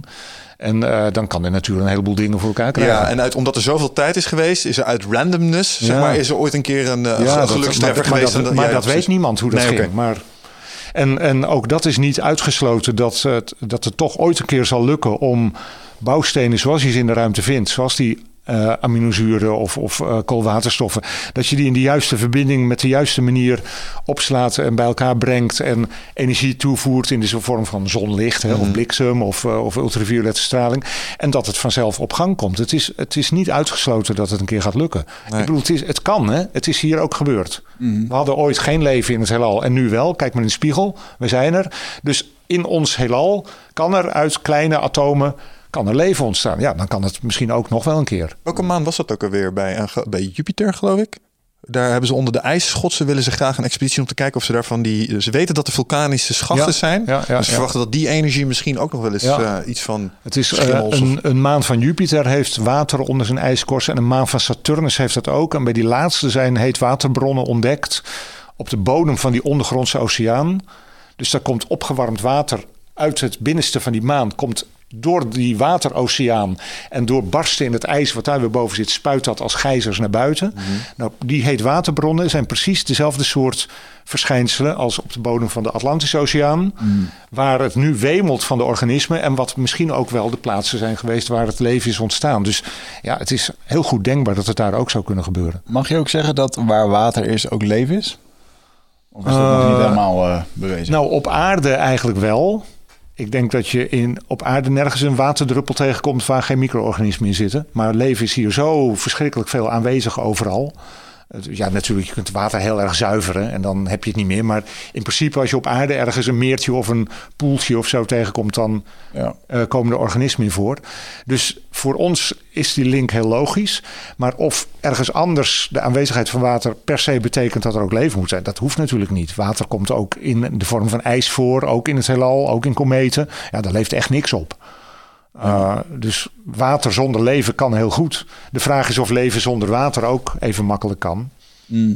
Dus dat is wel een stukje wat eh, echt iets uh, mindboggling is voor mij. Dat, uh, ik heb mooit eens een keertje ingelezen in de meteoriet die insloeg in uh, Rusland, ergens 1920. 1908. En 1908. En die, um, ja, dat werd toen vergeleken met een geweer. Als je een geweer afvuurt, dan gaat dat geloof ik met 900 km Aha. per uur of zo. Ja, dat weet ik niet. En, uh, in ieder geval, en dat ding ging gewoon nog tien keer zo hard dat je gewoon een ijsblok hebt van. Of gewoon dat er gewoon dingen door de ruimte heen zweven waarvan we niet weten wat het is. Het kan staal zijn, het mm -hmm. kan diamant zijn, het kan ijs zijn, noem het dan maar op. Dat is kilometers groot. Dus dat er gewoon een rotsblok van, van noem eens eventjes een, een 45 kilometer breedte door de ruimte heen vliegt. Die gewoon harder gaat, tien keer harder gaat dan een geweer ja. dat wij hier af kunnen vuren. En dat is echt gewoon mind-boggling. En dat botst dan met je planeet. Ja man, wij zitten gewoon als, uh, noem je dat? Wij zijn gewoon, als je gaat schieten op de kermis met zo'n luchtbugs. Wij, wij zijn een schietschijf, doel, weet je wel. Maar de kosmische kermis is gelukkig heel groot. En uh, de, de, de, schutters die hebben het niet per se op ons gemunt. Dus het is altijd een toevallig uh, schampschot als je geraakt wordt. Maar dat gebeurt af en toe. Maar vergeet niet dat onze eigen aarde ook al met bijna 30 km per seconde om de zon heen draait. Dus die snelheden die zijn... Oh. Het is niet alleen van die kosmische projectielen zo hoog. Maar dat is gewoon de snelheid waarmee die dingen rondvliegen. En, en waarom draaien wij... Dat, ja, het is een kindervraag. Maar waarom draaien wij om de zon en de zon niet om ons? Omdat de zon groter en zwaarder is. Dus die trekt ons kleine aan. Kleine dingetjes draaien om grote dingen heen. Zo simpel is het eigenlijk. Het simpelste wat mij dat heeft laten inzien was een experiment. Spanden ze een kleed met Mhm. mm -hmm. zes mensen zo. Legden ze een bowlingbal in. En vervolgens lieten ze iets van een golfbal. Gooiden ze daar doorheen met een, met een vaartje. Zodat dat ding er als het ware omheen gaat. Maar je moet het zo zien dat die grote bal in het midden. Die trekt alles er in principe naartoe. En omdat ze een vaartje hebben blijven ze in het, ah, ja, ja, ja. In het midden. En uh, dat, je dat realiseren. Aha. Dat je op zo'n ding zit dat echt zo als een malle zo die kant op schiet. Dat vond ik al redelijk een mindfuck. Dat, dat is eigenlijk een manier om om goed te laten zien hoe Albert Einstein zijn relativiteitstheorie beschreef als een nieuwe theorie van de zwaartekracht. Dat hij zei van ja, je moet die zwaartekracht niet zien als een soort mysterieuze kracht die van het ene hemellichaam naar de andere gaat, zoals Newton dat beschreef, maar als een vervorming van de lege ruimte of van de ruimtetijd. En dat is die, die bowlingbal op die trampoline, mm -hmm. dat voorbeeld. Ja, iets wat met veel massa, met veel materie, die zorgt voor een sterke vervorming en dat beïnvloedt de beweging van alles in de buurt. ja. ja. Maar ja, die rotsblokken, uh, ik kan het ook niet helpen. Uh, 45 kilometer, dat is wel heel groot hoor. Daar, hebben we de meeste wel van uh, in de peiling. Mm -hmm. Tegenwoordig hebben we hele grote telescopen die het hele zonnestelsel afspeuren. Dus er zijn Als geen... het 10 kilometer, dan is het nog uh, En 10 kilometer, die kennen we ook. Alle rotsblokken die in de binnendelen van het zonnestelsel vliegen... die groter zijn dan een kilometer. Mm -hmm. En die in principe een gevaar voor de aarde zouden kunnen vormen. Daarvan is naar statistische schatting kennen we daar ongeveer 90% van hebben we ontdekt. Dus maar, maar de kleinere, die weten we natuurlijk niet. Maar wij kunnen toch, um, je zegt 90% ontdekt van hetgeen wat wij nu kunnen waarnemen. Toch? Nee, kijk, op een bepaald moment kun je uh, uit, uit wat je ziet aan die objecten, hoeveel je er kent, wat de grote verdeling is, kun je behoorlijk statistisch afleiden hoeveel van die dingen er van elke afmeting zijn. Ja. Dus je weet het aantal rotsblokken wat een gevaar kan opleveren voor de aarde wat groter is dan een kilometer. Mm -hmm. Dat zijn er naar schatting zo'n 1400 of zo. Dat, dat is een redelijk nauwkeurig getal wat je... Oh nee, uh, hele... Dat valt op zich nog mee. Daarvan kennen we er uh, pak een beet 1300. Ik, die getallen moet je me niet op vastpinnen, maar in die orde van grootte ligt het. Mm -hmm. Dus je weet, er zullen er nogal een paar zijn die we nog niet gevonden hebben, maar dat, dat hebben we goed in de peiling. Daar is geen gevaar van te duchten. Dus dat is al mooi. De hele grote al helemaal niet, want die zouden we al lang gevonden hebben. Maar die kleinere van een paar honderd meter of van 100 meter, ja, die wil je ook niet op je hoofd krijgen. Dat nee. ding in, in uh, Siberië, in Tunguska in 1908, die was waarschijnlijk ongeveer 50 meter in middellijn meter en niet veel groter. Ja. En ja, die zie je niet van tevoren uh, aankomen. Dat kan gewoon, kan, kan nu over vijf seconden, kan de aarde ergens, kan een wereldstad van de kaart geveegd worden door een kosmische inslag. Ja. Je hebt wel meer over gehad, toch? Dat ding in Rusland eh, een paar jaar geleden, Ja. die even overvloog. Waar die, Ja, die, ja, die Rus heel droog zo met zijn zonneklepje. Terwijl er een komeet over kwam vliegen. Dashcam. Super stoïcijns. Maar ehm, ja man, als die dingen inslaan, eh, dan eh, is je stad weg. Ja, echt bizar. Maar ik, ik help me nog eventjes met, met één ding. Dat er, er zijn dan 1400 van die rotsblokken. Maar je moet het even, ik zie het eventjes zo. Wij hebben een aquarium. Daar doe je een steen in. Dat, dat visualiseer ik nu eventjes. Dat is onze aarde. Ja. En ehm, dat aquarium, dat kan heel erg groot zijn. Ja. Als het zo groot is en wij kunnen maar tot zover kijken... dan, dan kunnen we dus niet alles waarnemen wat Nee, we kunnen niet de objecten zien die heel ver weg zitten, als ze zo klein zijn. Maar die vormen ook geen gevaar voor de aarde. Want die zitten niet in een baan die de. Ja, tenzij het een, een object is wat, wat uit het deep space op de binnendelen van het zonnestelsel afvliegt. Ja, maar niet zo wij, kunnen dus wij Nee, kunnen nog ja. niet naar, het- naar het randje van het universum kijken. Zo, Nee, nee, maar op. wat daar vliegt, hoeven wij ons geen zorgen over te maken. Nog niet. Nee joh. Nooit. Is te groot. Is te groot. Is gewoon echt te Zo, groot. maar er kan nu toch iets gewoon in noodvaart. Nee, ik kan nooit sneller dan het licht. En van het randje van het heelal zou het er 13 miljard jaar over doen voordat het hier aankomt. Dus don't worry. Waar hij het over heeft is de Ah. Dat is inderdaad volgens ja. mij. Want er hang- hangt een set van die stenen hangt er in een soort baan om onze zon Ja, je heen. moet je voorstellen, we hebben, ons. we hebben eh, de, de planeten, de zon in het midden, de planeten Mercurius, Venus, de aarde en Mars. En dan tussen Mars en Jupiter zit een soort gordel van rotsblokken. Daar hebben we ook geen last van, want die maken allemaal hun mooie cirkeltjes daar. Maar af en toe zitten er een paar in een afwijkende baan. En die vliegen naar de binnendelen van het zonnestelsel. En die kunnen de baan van de aarde kruisen. En dat zijn er maar weinig. En dan gaat het erom welke objecten zitten er in dat binnendeel van het zonnestelsel... die groot genoeg zijn om een ramp te veroorzaken... En, die, eh, en waar wij ons, nou ja, dat, dat zijn er niet zoveel. En die, die worden allemaal opgespoord. En ja, als je er dan één vindt die wel, waarvan je zou kunnen uitrekenen, oeh, die komt over 20 jaar met de aarde in botsing. Ja, dan moet je gaan nadenken wat je eraan gaat doen natuurlijk. Ja, ja, ja. Maar dat kunnen we tenminste, dan kunnen we tenminste gaan nadenken. Zijn er al acties ondernomen om eh rotsblokken uit een, ja, al die films uit een baan brengen? Deep Impact. men- eh, mensen erop laten landen, gaten boren, atoombommen erin. Ja, die- er jij noemt die film Deep Impact, dat ging daar natuurlijk over. Er waren in dat jaar trouw- trouwens twee van die rampenfilms over Ja. kosmische inslagen. Armageddon. Eh, En, Armageddon en Deep Impact. En ze hadden allebei hetzelfde thema. En het, het was wel grappig, want er was in die periode ook een ruimtevaartproject van de NASA. Die heette ook Deep Impact. En daar deden ze het met, een, met de kern van een komeet. Dat is ook een soort grote klomp van ijs van een paar kilometer groot. Ruimtescheepje vlogen langs, wilde graag weten wat zit er onder het oppervlak. Want dat kun je van buitenaf niet zien. Dus die had een hele zware kogel bij zich. En die heeft hij met een enorme vaart op die komeet afgestuurd. En ja, dat slaat dan in. En een heleboel materiaal vliegt de lucht in. En dat zit ook materiaal van onder het oppervlak bij. En dat kun je gaan bestuderen. Dus die, die naam, ja, die geeft dat eigenlijk wel aan. Maar die, die klap was veel te klein om uit zijn baan te tikken. Maar er wordt wel over nagedacht. Het is nog, niet, nog nooit in de praktijk gebracht. Maar ja, er zijn veel plannen op papier. Van hoe zouden we een mogelijk gevaarlijke planetoïde uit koers kunnen brengen. Maar ja, dan moet hij niet... eh 10 kilometer groot zijn. Of wat, wat, dat lukt echt niet. Dat is hetzelfde als blazen tegen een stoomlocomotief die op je afkomt denderen. Dat helpt niet. Maar een klein dingetje zou misschien wel lukken. eh, dus er zijn nog niet echt protocollen voor. Vraag me af, zijn er nou bijvoorbeeld wel... Zijn er landelijke protocollen geschreven door overheden... als er een keertje een ruimteschipje boven Amsterdam hangt? Zo Nou, van, ik weet niet wat, of de- wat gaan we dan doen? Ik geloof dat de UN zelfs een meneer heeft voor First Contact. Er is een soort eh, ambassadeur van de aarde volgens mij aangesteld door de UN. Als er ooit contact is, dan mag die het woord doen. Oh ja? ja? het staat me iets van bij. Ik weet niet of ik dit verzin. look Maar, good. ik weet niet of ik dit verzin. Maar rustige eh, baan heeft hij dan. Dat zijn, Ja. dat zijn wazige beroepen. Ik hoorde er even een kleine afscheiding hiervan. Dus dat Donald Trump, die heeft... eh, zijn ze natuurlijk bang dat hij eh, op de knoppen drukt van ooit een keer een, eh, een atoombom. ja. Dat, ehm, stel nou dat er een... eh, dat Donald Trump eh, komt te overlijden... en hij moet de beslissing maken om... ehm, of hij was in het proces van de beslissing te maken om op de knop te duwen. Dan zijn er een, geloof vier kernonderzeeërs. Die zijn verspreid over heel de wereld, onbekende locaties. Ehm, daar moet elke president, als die aangesteld wordt in Amerika, die moet vier van die brieven schrijven. Wat de commander van zo'n boot moet doen in die situatie. Mm. En niemand weet wat er in die brieven staat, behalve, behalve als ze worden opengemaakt. dus eh, eh, ik krijg er klamme handjes van als ik eraan denk wat Trump daarin heeft ingeschreven. Maar interesting concept. World Enders, ja. Het hoeft niet eens vanuit de ruimte te komen. De mensen zijn stom genoeg om dat zelf te doen.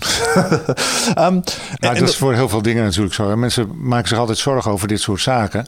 Ik, ik kreeg toevallig vandaag een weer een mailtje van een meisje op eh, school. Die doet een werk over de ruimte. Die heeft allemaal vragen. En is het van, eh, ja, moeten we bang zijn voor zwarte gaten en zo? En dat leeft bij kinderen best. Want er wordt spannende dingen over verteld. En ik zeg altijd maar heel gemakkelijk, heel, heel simpel. Van ja, weet je, met je fiets uh, van huis naar school rijden is echt veel gevaarlijker. Daar moet je bang voor zijn. Want daar gebeuren de ongelukken mee. En niet met een zwarte gat. Het is echt, en dat is hier precies hetzelfde. Ja, zwarte gaten, dat is ook wel interessant. Bestaan er oh, universa's in zwarte... Ja, dat, wat is het al gezegd? Dat er in zwarte gaten weer universums bestaan... waarin weer zwarte gaten bestaan... waarin weer universums bestaan... en dat het eindeloos zo doorgaat. Komen we een beetje op het volgende stukje van dimensies. Ja, ja, ja. Veel speculatie wat je hier uh, doet. Want wat, wat een zwart gat is, in wezen weet ook niemand. Wij kunnen uh, de eigenschappen van een zwart gat, zoals wij er van de buitenkant tegenaan kijken, die kunnen we redelijk beschrijven. Die kunnen we af, soms een beetje meten. Maar onze theorieën laten ons in de steek als we willen beschrijven wat er binnen in een zwart gat precies gebeurt. Mhm. Wat er gebeurt met de materie die in een zwart gat valt. Iedereen die zegt dat we dat weten, die, uh, die, die, liegt voor zijn beurt. Dat is gewoon niet bekend. Het is niet dat we al ooit een keertje een satelliet zo erin hebben kunnen sturen. Waar, of... waar, welk zwart gat zou je ja, dat know, Ik ben Wees blij dat we dat niet eh, konden. ja, ik heel, ja, dus dat is gewoon te ver. Dus, dat ja, joh, nee, niet. Dichtstbijzijnde, dichtstbijzijnde zwart gat wat wij kennen ligt al op, op duizenden lichtjaren hier vandaan. En hoeveel is één lichtjaar? Is dat in kilometers uit te drukken? Of is het 9,5 biljoen kilometer. Zit jij uh, vaak in je hoofd? Uh, neem je heel veel informatie tot je video's, podcasts, boeken? Uh, nou, voel je niet schuldig, dat doen heel veel mensen natuurlijk. Hè, maar vaak zijn we op zoek naar antwoorden. Gaan we nog meer informatie tot ons nemen. Terwijl ja, de antwoorden liggen toch echt in onszelf. En dat is iets wat we voelen met ons lichaam. Maar vaak zijn we zo erg in ons hoofd bezig ja, dat we dat ook niet meer, dat we daar niet meer echt goed bij kunnen. En dat is graag waar ik je voor uit wil nodigen. Voor Ride of Passage. 24, 25 en 26 mei is er weer een nieuwe editie voor mijn retreat voor persoonlijke ontwikkeling. Waarbij het thema echt is om uit het hoofd te komen in dat lichaam. Want dat is waar je alles ervaart. En ik wil dat je gewoon weer in contact komt met, met die, die intuïtie. Um, en dan gewoon een heel sterk uh, innerlijk kompas. Dat je gewoon weer weet waar je naartoe moet, wat je te doen staat. En dat je gewoon weer helderheid hebt over wat je wilt en hoe dat je dat gaat doen.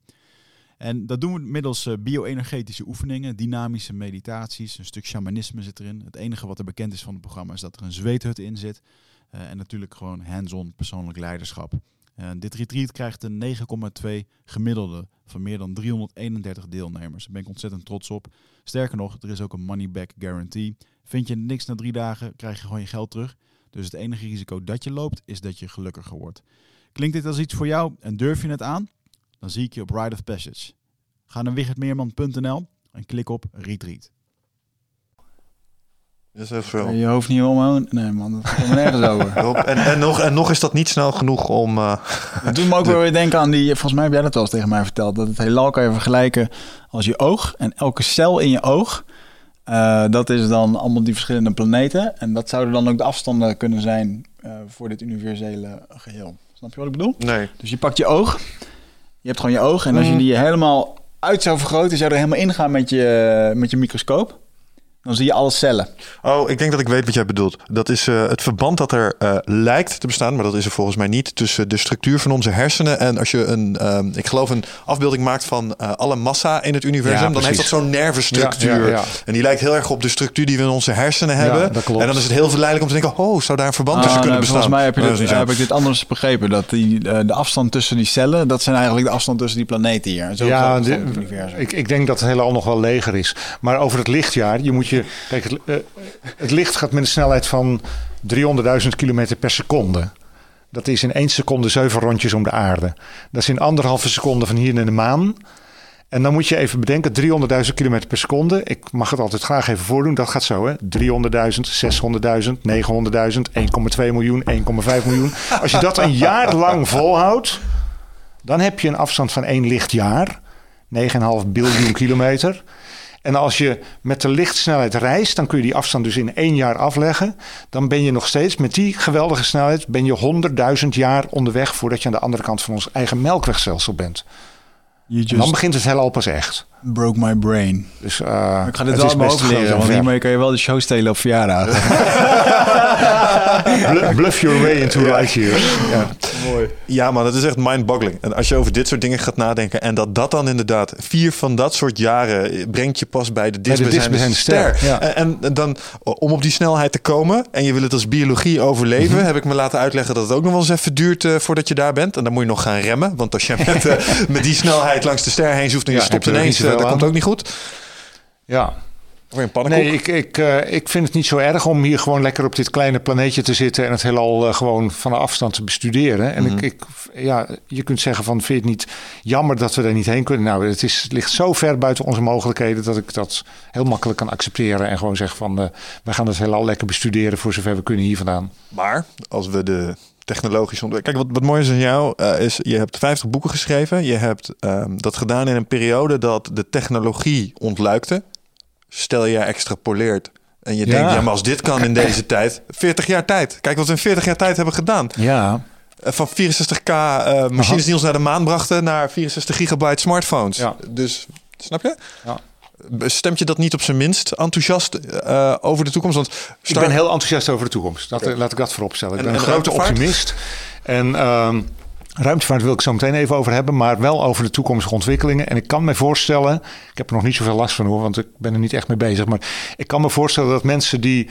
een heleboel hebben meegemaakt in hun leven... en weten eh, op een bepaald moment... Goh, over 40 jaar ben ik er echt niet meer. Dat ze dan een beetje sneu worden van het gegeven wat er dan allemaal zou kunnen zijn. Wat ze dus niet meer meemaken. Ja, dat hebben we allemaal. Dat heb je ook als je 20 bent.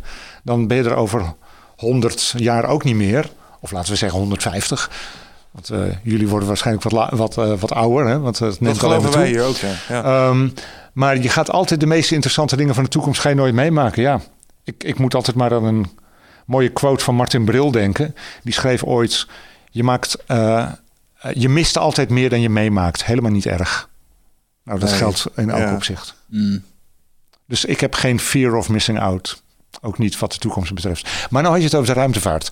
En daar, zitten, daar kom je op een bepaald moment tegen de grenzen van de natuurkunde aan. Je kunt je technologie wel ontwikkelen, maar. Ik, ik weet wel dat jij gaat zeggen, ja, hoe weten we dan zeker of dat echt niet kan? Maar wij weten zeker dat je niet sneller kunt reizen dan het licht. Je kunt nooit iets maken wat sneller door het heelal kan, zich kan verplaatsen dan 300.000 km per seconde. En dan heb je nog het voordeel dat als je aan boord van zo'n ruimteschip staat en je gaat zo snel. Dat is dat verhaal van Interstellar. Dat voor jou dan de tijd langzamer gaat. Dus misschien kom jij, leef jij lang genoeg om dat mee te maken. Maar dan nog blijven het onvoorstelbare lange periodes. En dat heelal is gewoon te groot om voor ons op die manier te gaan bezoeken. Met de, en het is ook niet de goede manier. Want dan kun je naar één ster. Hè, hè, dan ben je er eindelijk, kun je die ster bezoeken. En alle andere sterren dan, die kun je nooit allemaal gaan bezoeken. Dus doe nou maar gewoon met het licht wat je van ze ontvangt. Ja. Dan kom je veel meer te weten. En bemande ruimtevaart, dat, dat is voor mij helemaal een, eh, een vreemd Dat iets. is over een paar jaar niet meer, denk je.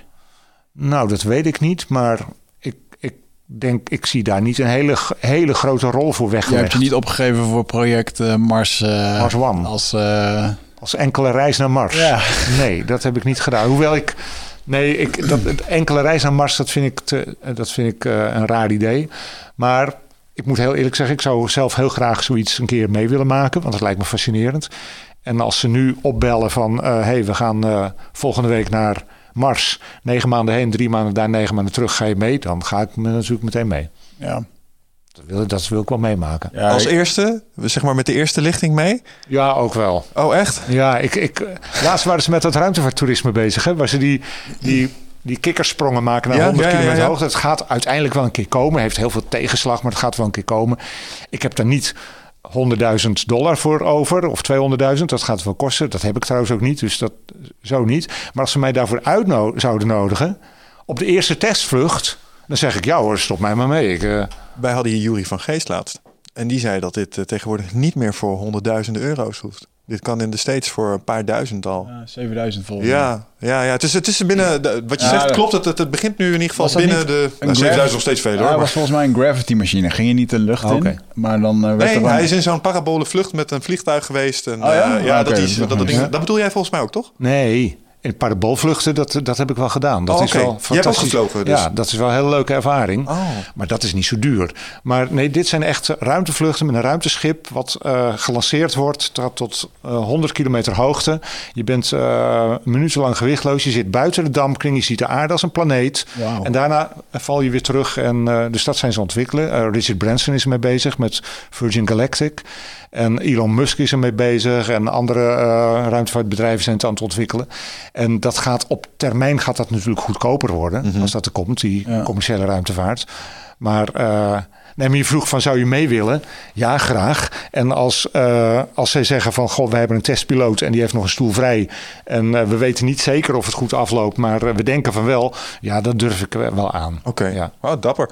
Ja, nee, zo'n testpiloot durft het ook aan. Dan denk ik, dan durf ik ook. Die wil ook niet dood, toch? Geen familie, geen... eh, Ja, maar die, die weten dat wel. oh. Nou, ik vraag me af of dat klopt wat je zegt over testpiloten. Ik denk dat testpiloten op zich toch wel een specifiek DNA hebben. Ja, in dat opzicht. Ik had het overigens net nog eventjes op zitten zoeken van jouw eh, verhaal van die Apollo. Ik heb het hier... eh, dat was Apollo 1. Dat was... eh, die waren... eh, was die brand. Die waren gescheduled om de eerste bemande vlucht te zijn. Ja. En die maakten een testronde. Toen kwam er vuur ergens. Nee, maar die dat- waren niet gelanceerd. Hè? Dat was tijdens een test op aarde. De Apollo 1 die deden een complete eh, test. was januari 67. Complete test op aarde met de Apollo-capsule. En eh, die zaten dus in die capsule opgesloten in een testlaboratorium. En toen vanwege de samenstelling van de dampkring aan boord van die capsule... en er was kortsluiting, dus een heleboel in de fik gevlogen. Er is een enorme inferno geweest daarbinnen. En ze kregen het luik niet snel genoeg open. Dus die, ja, die, zijn, die drie astronauten zijn levend verbrand. Bizar. En, eh, en zo zijn een heleboel ongelukken gebeurd in de bemande ruimtevaart. Ja, wat maar weer aangeeft, wat mij betreft, eh doet al dat soort dingen nou gewoon lekker met robotjes. wij, zijn, wij gaan steeds beter worden in miniaturisatie. Dus het lanceren wordt steeds goedkoper. Je kunt dingen in massaproductie doen.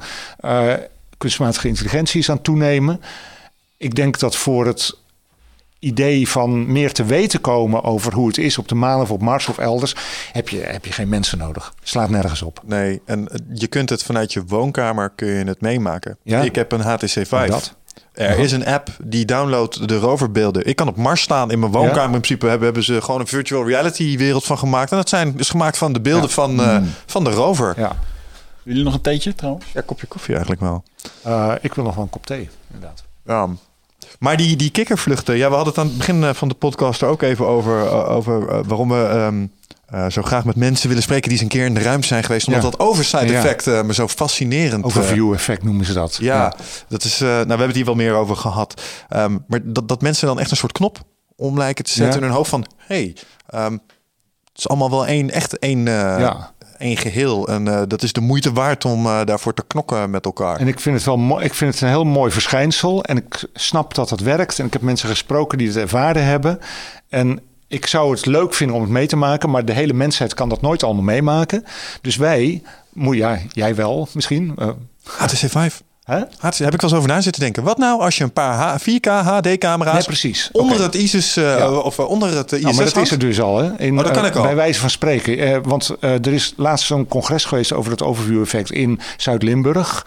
En het is bij een, eh, een museumachtige installatie. Ik ben even vergeten hoe die nou precies heet. Oké. Maar daar ga je een ruimte binnen waar je, eh, waar je heel groot naar een gigantisch spectaculair eh, virtual reality beeld van de aarde vanuit de ruimte kijkt. Is het echt, heb je hetzelfde gevoel als, ja, je bent niet gewichtloos. Nee, nee, nee, nee, nee, eh. Dus het, het is altijd wat minder. En je weet dat het niet 100% echt is. Dat, Ja. Dus het doet iets af aan de... Maar het komt heel dicht in de buurt. En ik merk dat als je open staat voor dat soort denkbeelden... voor dat gevoel van... realiseer je nou wat je bent en wat die aarde is en hoe wij zijn... en dan werkt het gewoon ook heel goed met foto's. Ik, Dat denk ik ook, ja. ik, ik kom een heel eind met, met foto's. Ja, En natuurlijk is het mooi als we allemaal andere Kuipers kunnen zijn. Dat gaat niet lukken. Maar het is wel mooi dat die, dat, dat, dat concept wordt eh, overgedragen. En dat Mm. mensen dat proberen te beschrijven. Ja, aan de andere kant misschien, eh, ik denk dat eh, nou, niet iedere mens op deze planeet zal in een vliegtuig hebben gezeten. Maar ik denk dat er een heleboel zijn die wel in een vliegtuig hebben gezeten. Wie weet, 100, over vij- 100 jaar, 50 jaar, dat het gewoon standaard is om even dat soort vluchten te maken. Want het is voor zoveel sneller, weet je wel. Kun je de Ja. draaiing van de aarde nog een beetje Ja, gebruiken. Ik heb wel eens gehoord eh, dat eh, eh, militaire vliegtuigen willen ze ook op die manier inzetten. Zodat ze dan binnen 6, 7 minuten kunnen ze overal op de planeet kunnen ze een, een SEAL-team in je achtertuin parkeren. Ja, ja, ja.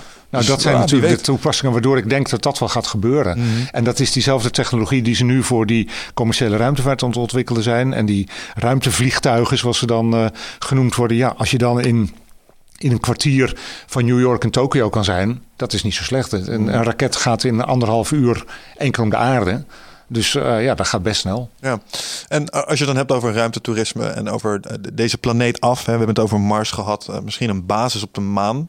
Is dat, zijn dat wel afstanden waarvan je denkt dat we ze moeten proberen te overbruggen om. eh, Nou, de afstanden, dat is niet zo'n probleem. Zeker bij de maan niet. Maar ik moet heel eerlijk zeggen, ja, sommige mensen vinden mij een, een, een negatieve denker op dat gebied. Maar ik vind het idee van een bemande basis op een andere wereld. Mijn allereerste idee is. Waarom? spreid je windkansen? ja, wat voor winkansen? Nou ja, dus stel er gebeurt iets met, eh, met deze planeet.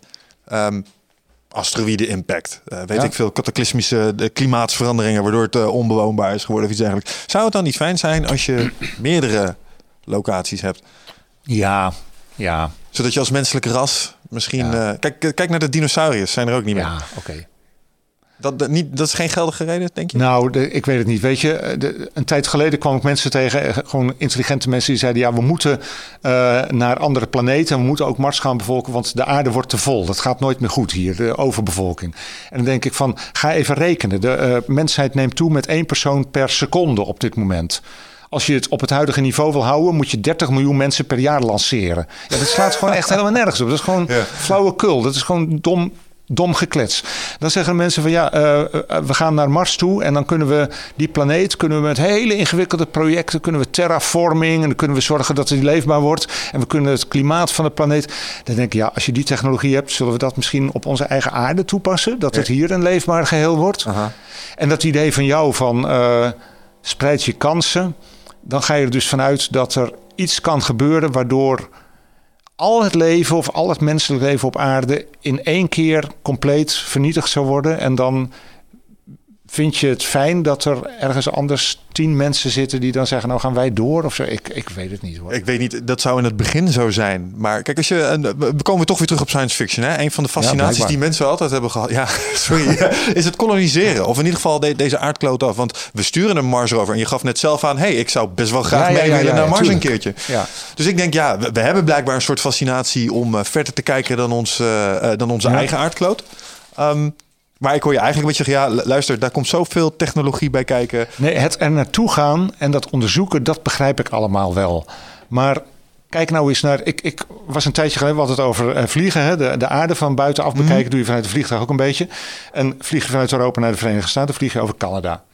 Dat is honderden, duizenden vierkante kilometers onbewoonbare, kale, bevroren toendra. Ja, Daar woont geen kip. Niemand woont daar. Waarom niet? Omdat er geen. Er is niks te doen. Het is een strijd tegen het bestaan. En dan zit je nog op aarde hè, met Ja, een dampkring en met Ja, water ja, en met alles. Niemand doet dat. Eh, ik ben een keer op de geografische Zuidpool geweest. Daar is een onderzoeksstation. Er zijn wetenschappers af en toe. Dat is spectaculair om te zitten. Mhm. Eh, dus dat kan. Niemand gaat daar wonen. Dan zul je zeggen, ja, eh, ja nee, maar ik, ik snap je punt. en- Ja, ja, en, je hebt en dan zeggen de mensen, ja, waarom moeten we een basis op Mars? Omdat het kan. Gelul, we, we bouwen ook geen stad op de bodem van de Marianentrog. Dat kan best hoor, technologisch. Helemaal niet moeilijk. Mhm. Nee. Als je daar 100 miljard tegen aangooit, kun jij een stad bouwen 10 kilometer onder zee. Waarom zou je? Ja, dat idee vind ik misschien nog wel enger trouwens als op Mars wonen. Maar ik, ik begrijp het, eh, het punt wat je maakt. En ik geloof dat wat wat jij zei over bijvoorbeeld Mars terraform is ook een punt wat Neil deGrasse Tyson al een keer gemaakt heeft. Als je dan een planeet helemaal kunt vormgeven zoals je Ja? wil. Doe het hier. Nou, dat, ja, dus dat, dat geloof ik wel. Lekker, dank je. Ehm, Mag ik daar nog even wat op zeggen? Ik hoorde wat in mijn eh ooghoek. Het gaat over het eh, creëren van je eigen planeet, hè? dit gaat over het eh, wel of niet koloniseren van andere planeten. Is er niet zoiets dat... eh er wordt wel eens... ge- ehm, ook zo'n theorie. Of dat ehm, dit alles één grote grap is. Matrix wat bedacht is. Dat wij eh, een soort van eh, simulatie zijn, hè? en ehm, als je nou alles in het universum hebt uitgeprobeerd... en je hebt alles kunnen uitvinden... en je begrijpt de wiskundige regeltjes... Aha. dan is er voor een beschaving eigenlijk ge- eh, blijft er dan gewoon niks anders meer over dan eh, iets nieuws, een soort aquarium neerzetten. Waarin je je eigen SimCity Je hebt iets gaat... met eh, aquaria, hè? ja, ja, aquarium of gewoon zo'n spelletjes.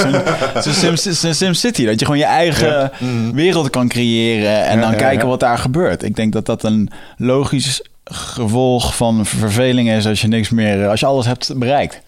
Bostrom, uh, die, die, heeft, die, zei dit, die heeft het hierover gehad met zijn simulation mm -hmm. die, die deed de aanname, uh, technologisch geavanceerde beschavingen moeten wel simulaties willen runnen om dit te doen. En om dit echt te runnen heb je iets van een computer nodig, de grootte van een zon, volgens mij. Als je, je om ons te runnen. Dat om, om een universum te simuleren, wij, zeg maar. Ja, ja. En waarom zou zo'n beschaving dat willen? Daar, daar, daar zit een vraag achter.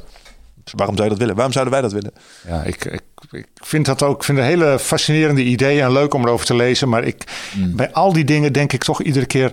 Uh, knap dat wij dat kunnen bedenken en dat we uh, als een soort gedachte-experiment erover na kunnen denken. Maar jongens, hou op met te denken dat het iets met de werkelijkheid te maken zou ja, kunnen hebben. Mm. Ik heb er al eens over nagedacht. Ik, ik, denk dat dat komt omdat er nog zoveel ruimte zit. Um, tussen bijvoorbeeld als ik kijk naar bijvoorbeeld wat ik weet of denk te weten over kwantummechanica mm -hmm. en over de ruimte. En uh, als ik dan met mijn uh, simpele apenbrein en mijn patronenkenningsmachientjes daarop los ga, zo, dan lijkt ik allerlei dingen te kunnen ontwaren ja. en uh, daar de dingen uit te kunnen halen. En ik denk dat in, in die ruimte, zeg maar, het niet volledig begrijpen, klok, klepel. daar mm -hmm. komen dit soort ideeën ja. en concepten, denk ik, van. Maar dat hebben de grootste uh, geesten hier op aarde, de echte briljante lieden, hebben natuurlijk ook last van dat niet helemaal begrijpen. Want dat vind ik trouwens ook een fascinerend idee erover. En dat is iets wat ik de laatste tijd uh, uit, voor de grap nog wel eens aan allerlei hele knappe koppen vraag. Als ik ze ergens voor interview. Er zijn heel veel theoretisch fysici en, uh, en en zo. En die, die denken toch van ja we hebben het nog niet helemaal, maar die theorie van alles, dat gaat komen. En een keer, we zijn behoorlijk op weg en een keer snappen we het gewoon echt allemaal. Mm -hmm. En zeg ik tegen ze, denk je dat echt? Dat we, ja, heel veel mensen denken dat. En dan denken van, wij zijn een fase op de biologische evolutieladder. Gewoon ook maar een organisme hier op aarde. Mm -hmm. Wij verwachten toch ook niet dat een egel de kwantummechanica begrijpt of dat een dolfijn snapt hoe de relativiteitstheorie werkt. Waarom zouden wij uitgerekend als Homo sapiens de eerste levende organismen op aarde zijn die in staat zijn om alles in het heelal te begrijpen? Dat vind ik echt zo'n imbeciele gedachte. Misschien... We kunnen het hooguit begrijpen op de manier die past bij onze manier van denken en waarnemen. Dus dan is het altijd door een soort menselijk filter. En dat is dan misschien een, een soort schaduwafspiegeling van een soort werkelijkheid, maar ook zoals wij hem zien. Ja, ja wat was dat ook alweer? En beperkt. Dat, dat, dat, dat is een gedachte-experiment uh, om dat mensen uit te leggen. Dat je moet voorstellen dat je al die tijd in een grot hebt gewoond. Dat, dat je alleen de schaduw op de, grot muur van zag. Pato. Ja, ja, en dat je dan de schaduw op de muur ja. ziet totdat je buiten komt. En denk je, Aha. oh, ja, dit, kan ik niet bevatten. Dat bedoel je. Ja. Ja, dat, dat ben ik deels met je eens. Want dat sluit aan bij waar we het in het begin over hadden. Dat we als mensen zoeken naar onszelf. Tegelijkertijd, als je kijkt naar ons mensen en de rest van de biologie op deze planeet. Er is wel een zijn, er zijn er een paar ja. kunstjes die we kunnen. Ja, dat is waar. Er zijn grote verschillen. En we zijn heel goed in omschrijven hoe een aantal van de fundamenten van het ja. universum lijkt te werken. In de vorm van natuurkunde. Ja, maar ik vind het ook wel heerlijk om af en toe van een theoreticus te horen dat kom je nog wel eens tegen die dan ergens schrijft van ja, uh, het heelal heeft geen verplichting aan de mens om begrijpelijk te zijn. Dat vind ik zo'n heerlijke. Er is helemaal geen reden waarom de natuur zo in elkaar zou moeten zitten dat ons brein dat moet uh, begrijpen of mm. moet kunnen duiden. Waarom zou dat zo zijn? Toen ik ooit een keertje in een psychedelische sessie zat en ik die vraag stelde, toen kreeg ik hetzelfde antwoord. Dus uh, mm. universele wet. maar misschien kun je me, me, daarbij helpen en sluit dat aan ook bij de vraag van Wigert over dimensies. We hadden het uh, hier voor de podcast, hadden Wigert en ik over ja, um, natuurkunde, kwantummechanica. Uh, het gaat altijd snel over andere dimensies. Mm -hmm. En dan heb je het over de zevende, de achtste, de negende, tiende, de elfde ja. dimensie. Ik kan daar intuïtief helemaal niks mee. Ik bedoel, uh, drie, dat gaat nog net. Um, de vierde tijd snap ik ook nog wel. Een heleboel 3D, 3D's ja. achter elkaar. Uh, en de vijfde, waar zit hij dan? Net om de hoek of zo? Ja, of ja, ergens waar ik... Uh, kun je me helpen om dat, om dat soort concepten iets beter te snappen? Ik vind nee. het zelf ook heel ingewikkeld. Ik, ik moet zeggen dat ik... Sterrenkunde vind ik een lekker overzichtelijk uh, vakgebied. Maar de moderne sterrenkunde wordt steeds meer theoretische fysica. Mm. En dat, daar ben ik niet heel. Daar heb ik moeite mee. Ik, ik, je had het net over kwantumfysica. Dat vind ik ook ingewikkeld. Ik lees er met plezier over. En ik weet er misschien net iets meer over dan de gemiddelde geïnteresseerde, maar niet heel veel meer. En als iemand mij vraagt, leg nou eens uit wat kwantumverstrengeling precies is, dan denk ik, uh. En dan, dan kom ik een klein stukje, maar dat, dat heb ik zelf niet helemaal. En dat geldt voor die dimensies ook. Je moet op een bepaald moment is het ook een kwestie van wennen. Uh, je noemde net die, die, uh, al die drie-dimensionale wereldjes die in de tijd als een soort, dat yeah. kunnen we dan iets bij voorstellen. Um, En op die manier zou je natuurlijk, en dat is een heel bekend verschijnsel, daar ben je vast mee vertrouwd. Je kunt je dat nadenken over hogere dimensies, kun je iets makkelijker voorstellen door er een paar weg te halen en je in te denken dat je zelf een tweedimensionaal wezentje bent. Mhm, Nou, dan snap je eh, die, die derde dimensie, eh, die, die, die kun je- kunnen wij dan voor hem begrijpen. Nou, dan, als je dat eh, als je daarop op doorborduurt, dan kun je daar misschien een eind verder mee komen. Dan hebben ze het over opgerolde dimensies die heel klein zijn en niet op grote schaal hun effect laten zien. Kan ik me ook nog wel iets bij voorstellen. Maar de snaartheorie met een tiendimensionale eh, ruimte, ik heb geen idee. En het is ook heel ingewikkeld. De snaartheorie is sowieso een heel theoretisch eh, eh, complex geheel. Waar ligt de grens tussen dimensies als in fysiek bestaande dimensies... of dimensies zoals wiskundigen ze gebruiken eh, in de zin van... ja, een heleboel verschillende verschijnselen. Als ik bijvoorbeeld een, een, een, een, een object heb... of een heleboel verschillende objecten die maar twee eigenschappen hebben... ze hebben een leeftijd en een grootte... dan kan ik een tweedimensionaal grafiekje maken... waarin elk van die objecten één stipje heeft in die tweedimensionale grafiek. Horizontaal de leeftijd, verticaal de grootte. Dat is makkelijk. Als je object hebt met drie eigenschappen, maak een driedimensionaal grafiek. Hebben ze ook allemaal één plek. En zo kunnen wiskundigen het hebben over vierdimensionale, vijfdimensionale, zesdimensionale Ze ruimtes. voegen assen toe aan dat ding om me- dingen te plotten op om een dingen te plotten. Ja, ja, ja. En, maar dat is, dus dat is een, een soort abstracte vorm van denken over dimensies. En als je deeltjes hebt met, eh, die allemaal acht eigenschappen hebben... ja, die hebben allemaal een unieke positie in een achtdimensionale ruimte. Ja, dat snap ik wel ongeveer. Eh, dan maak je een soort achtdimensionale matrix... waarin al die eigenschappen in een bepaalde richting zijn uitgezet. Kun je iets bij voorstellen. Maar dat heeft niks te maken met een fysieke dimensie... zoals wij onze drie ruimtelijke dimensies ervaren. Ja. En hoe dat bij die snaartheorie zit, je moet het echt niet aan mij vragen. Oké, want dat is ook iets wat ik de laatste tijd eh, vaker hoor terugkomen als het gaat over eh, dit soort concepten. En dat is dat eh, wetenschappers steeds meer tot het inzicht komen dat dat wat wij waarnemen, onze realiteit, dat wat we echt zien, meten en dat soort dingen, dat als je kijkt naar wat er onder de motorkap aan wiskunde en zo onder ligt, dat is iets heel anders. Het lijkt bijna een. En dat vind ik ook lastig. Dan hebben ze het over een hologram. Het universum is een Oh, hologram. daar begrijp ik ook niks van. Moet je Gerard het Hoofd vragen of, eh, of Erik Verlinde. Die zijn er allemaal mee bezig met dat soort dingen. En eh, ik, ik vind het te ingewikkeld. Ja, ik ook. Ja. Oké, nou, we gelukkig. het daarover Fijn, eens? ja. Nou, laten we dan... eh, die, ja, die sorry hoor, want het is heel fascinerend. En ik snap dat iedereen daar meer over wil weten. Maar Nee hoor, Eh, ik denk dat er nog genoeg andere fascinerende eh, eh, dingen zijn. Want iets wat me evenredig bezig heeft gehouden de laatste tijd... zijn de ontwikkelingen op het gebied van dark matter en gravity waves. En ook dat zijn weer twee van die dingen. Klokklepel, maar ik kan het niet plaatsen... en ik snap niet helemaal wat, het, wat de implicaties zijn voor ons... en ons model van wat we dachten te weten. nou, om te beginnen hebben ze niet per se heel veel met elkaar te maken. Oké, Dus dat is al mooi. Dus je hebt gewoon twee leuke onderwerpen. En de donkere materie is iets wat eigenlijk wat je heel simpel kunt zeggen. Eh, Je kunt zeggen van wij hebben het heelal ontdekt. En op een bepaald moment ontdek je, er zijn zoveel sterren. hey, we ontdekken ook nog eh, sterren die zwakker zijn dan we eerst konden zien. Die zijn er ook nog. hey, we ontdekken ook nog donkere gaswolken die we überhaupt met een gewone telescoop niet konden zien, maar met een radiotelescoop wel. Dus we ontdekken steeds meer materie in het heelal. Hè? Er is wel eens een astronoom geweest die zegt, ja, we kunnen moeilijk ontdekken dat er minder in het heelal is dan we tot nu toe dachten. Dus de kans dat er meer is dan wat wij al kennen is best groot. Nou, dan komt het punt dat er meer lijkt te zijn.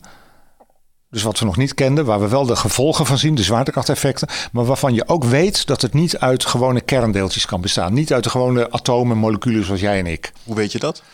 Dat weet je omdat als er zoveel gewone materie in het heelal zou zijn, zoveel nucleaire materie, dan zouden de kernreacties tijdens de oerknal anders zijn verlopen en dan was de samenstelling van het heelal anders geweest. Juist. We weten uit de samenstelling van het heelal, drie kwart waterstof, één kwart helium, weten we wat ongeveer de totale dichtheid is aan gewone materie in de kosmos. Als je dan vervolgens ziet dat er vijf à zes keer zoveel zwaartekracht is als wat je met die gewone materie kunt eh, verklaren, Ja. dan ligt het voor de hand om te denken: hey, blijkbaar is er dan nog meer materie die we niet kunnen zien. Misschien wel omdat het eigenschappen heeft waardoor er helemaal geen straling produceert. Want het kan toch al niet uit gewone materie bestaan zoals wij kennen. Het moet een, een of ander vreemd soort deeltje zijn.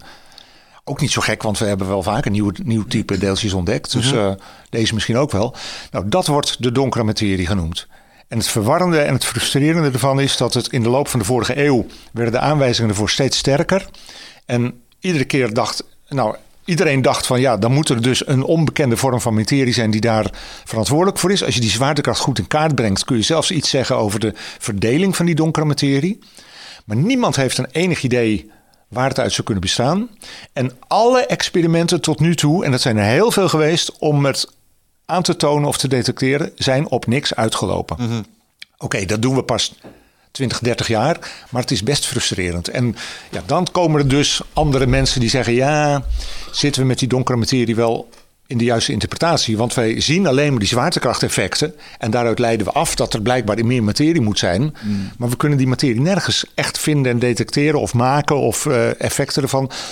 Misschien is er iets niet in de haak met onze ideeën over de zwaartekracht.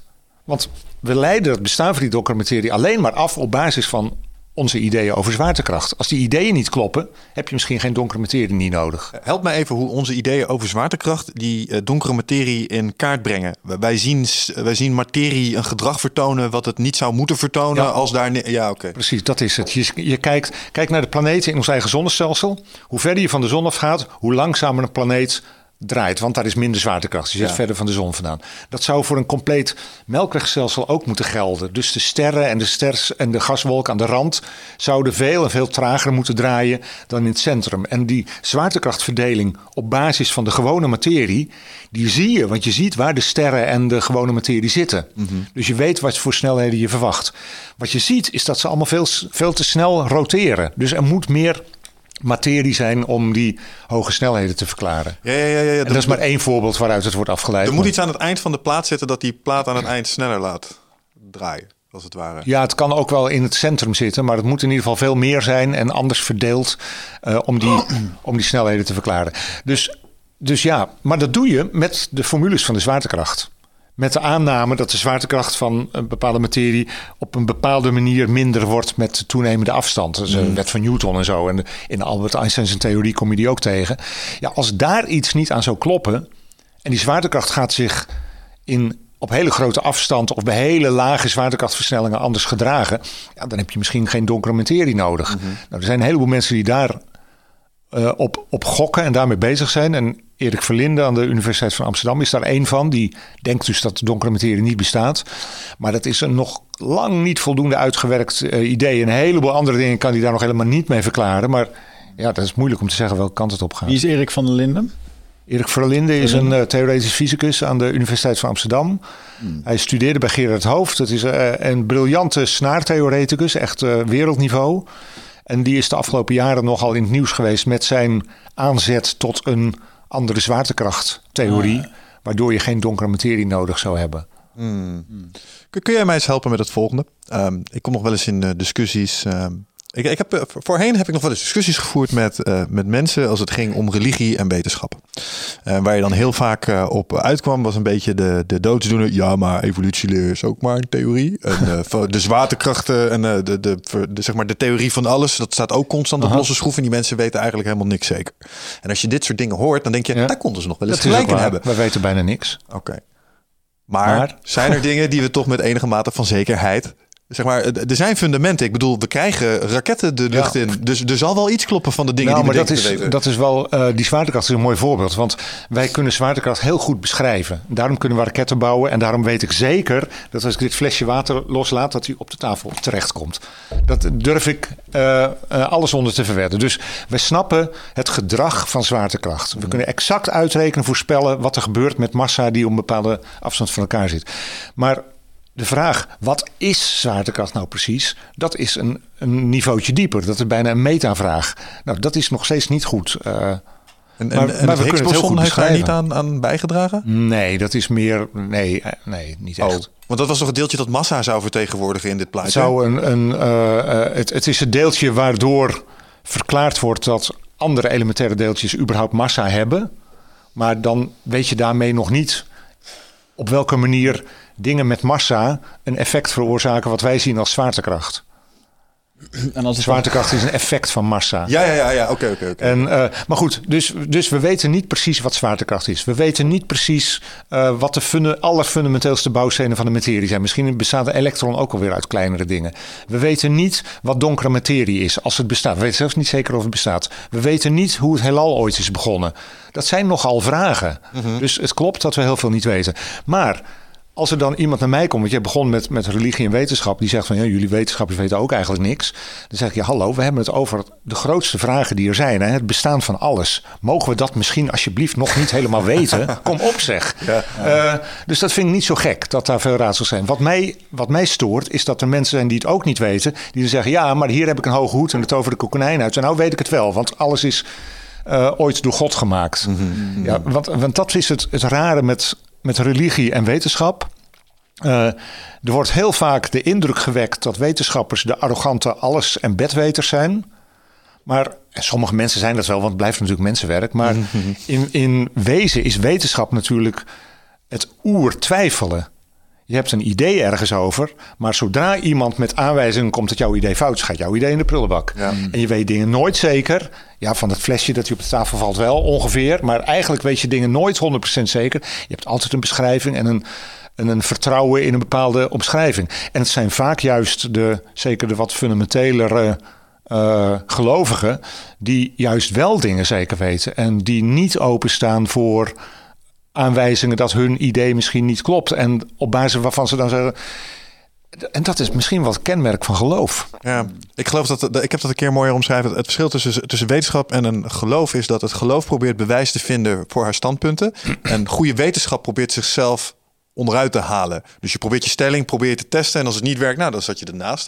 En je Nou, probeert het het is- te bewijzen. Het is in ieder geval zo dat een goede wetenschapper zou er helemaal voor openstaan dat als zijn stelling onderuit wordt gehaald, dat hij zegt, oh, dan heb ik het 30 jaar bij het verkeerde eind gehad.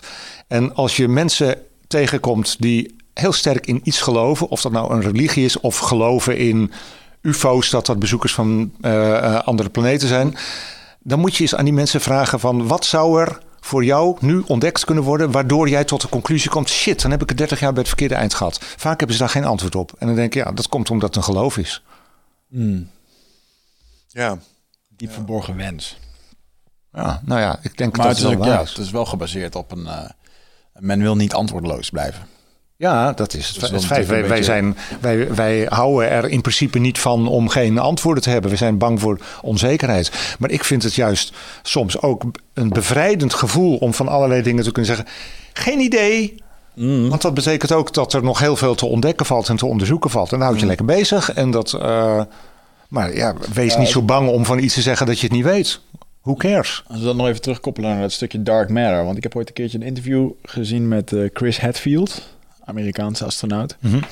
En ehm, die beschreef dat er ergens een scanner op een apparaat zit, wat al 17 jaar erop zit.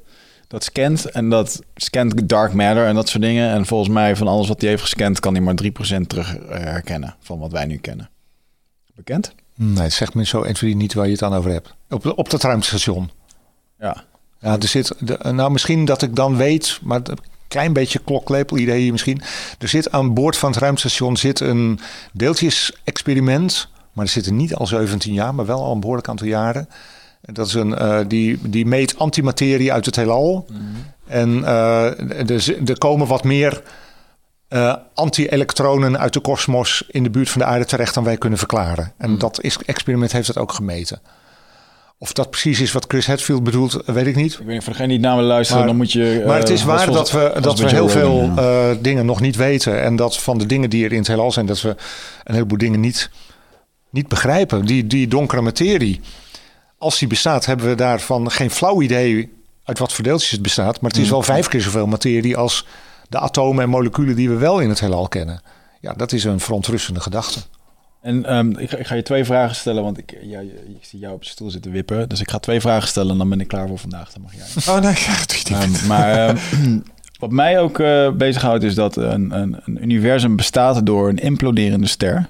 Die op een gegeven moment zo ontzettend heet wordt, kokend van binnen, waardoor die implodeert en vervolgens uit elkaar spat.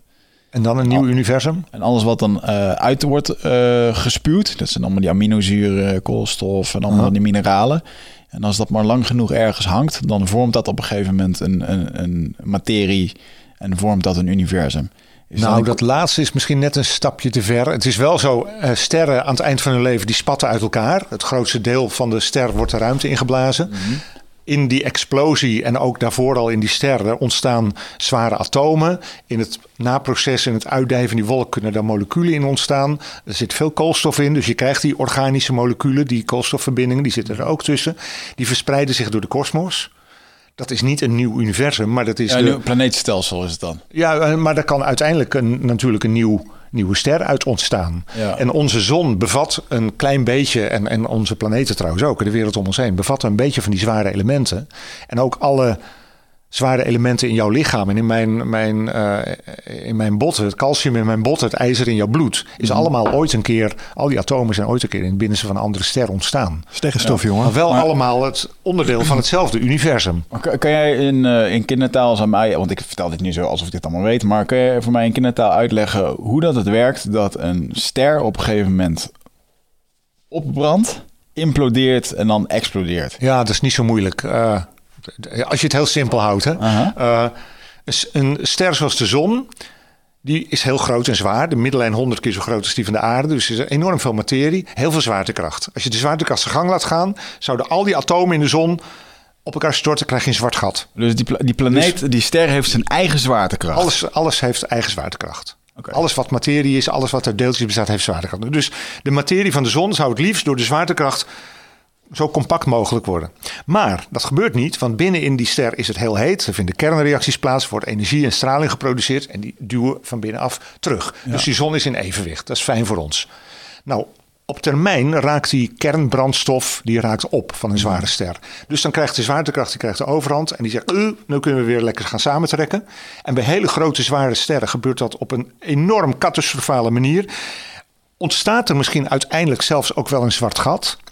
Maar voordat dat gebeurt, is die materie die naar binnen komt, die, die komt op een, ja, die, die wordt heel sterk samengeperst. En die voelt een soort weerstand, die krijgt een soort schokgolf daarin, waardoor het grootste deel van de buitenlaag van die ster naar buiten eh, blaast.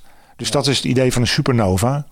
Ah ja. En eh, het, ja, eigenlijk de, de kern van de ster die wordt zo compact dat de buitenlagen die dan daarna nog eens naar beneden vallen, die, ja, die, die komen dan met zo'n klap op terecht dat ze eh, terug het heelal inschieten. Dat is heel Ja, ja. simpel Ja.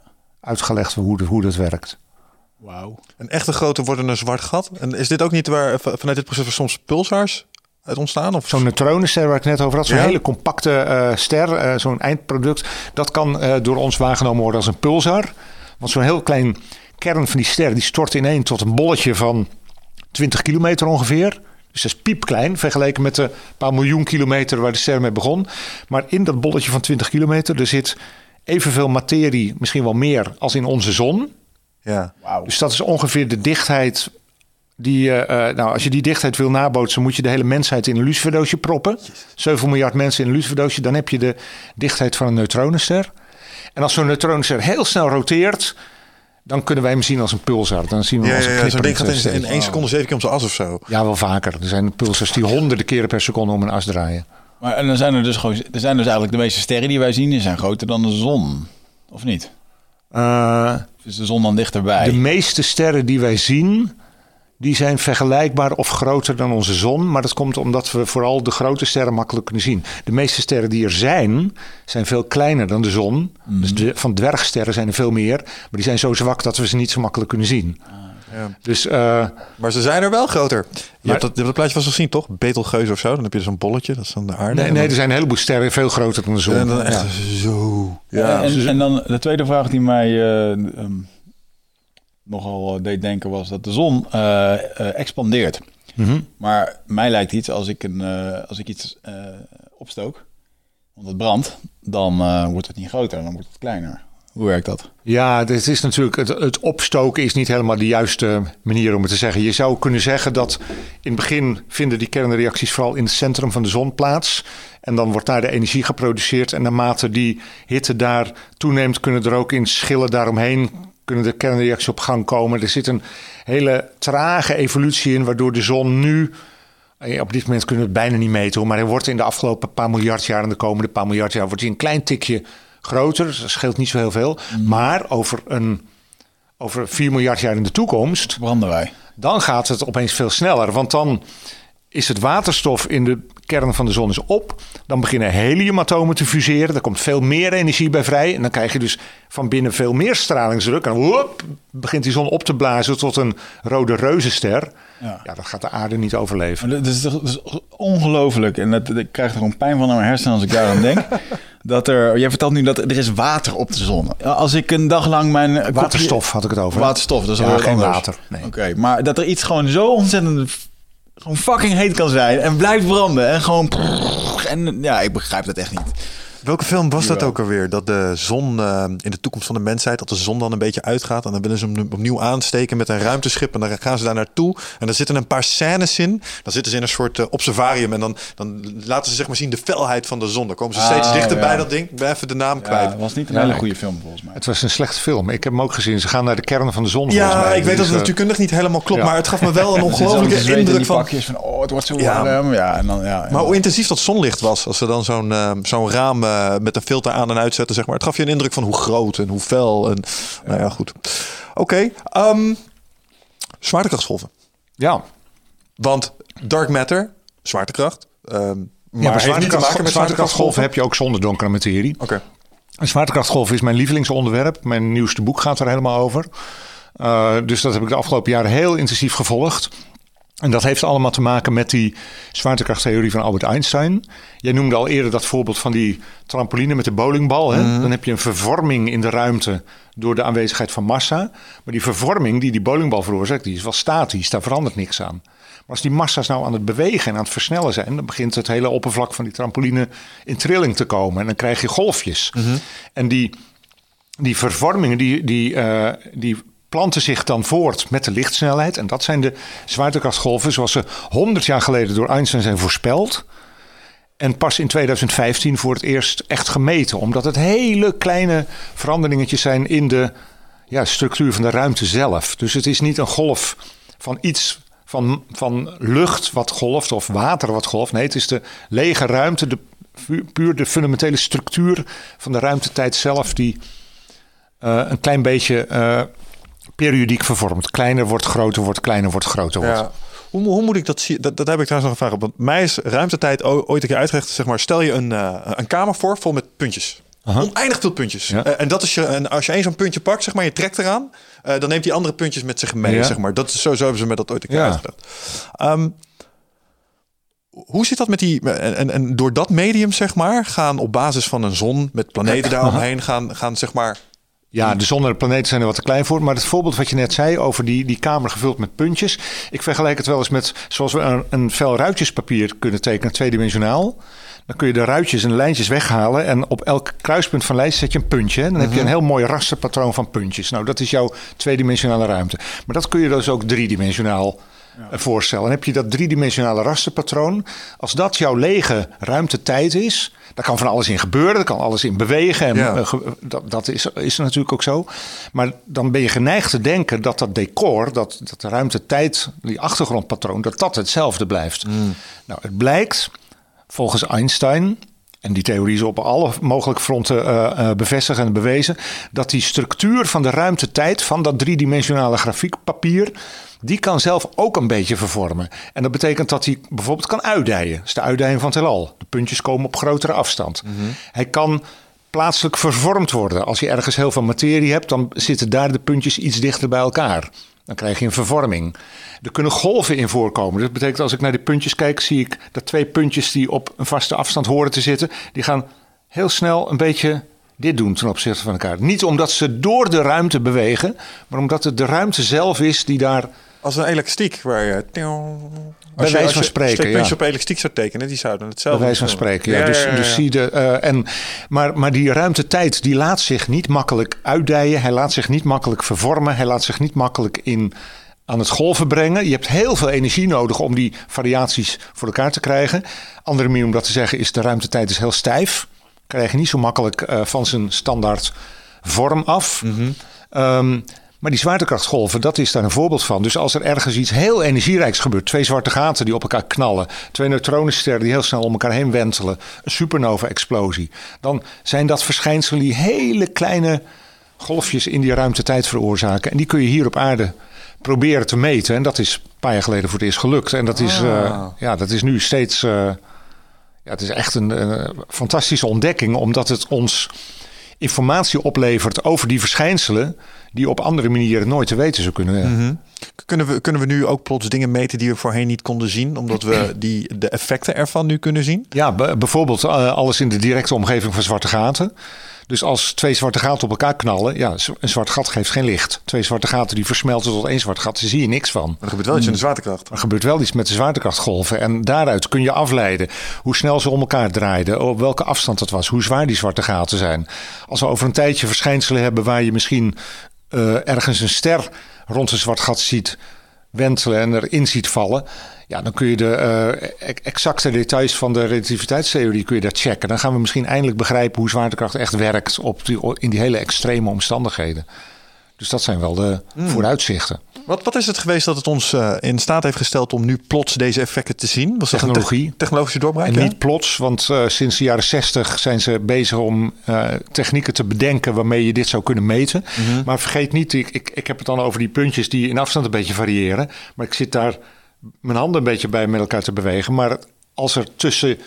Als er nu een zo'n zwaartekrachtsgolf zou passeren, dan is de afstand tussen jou en mij. -hmm. die verandert dan honderden keren per seconde.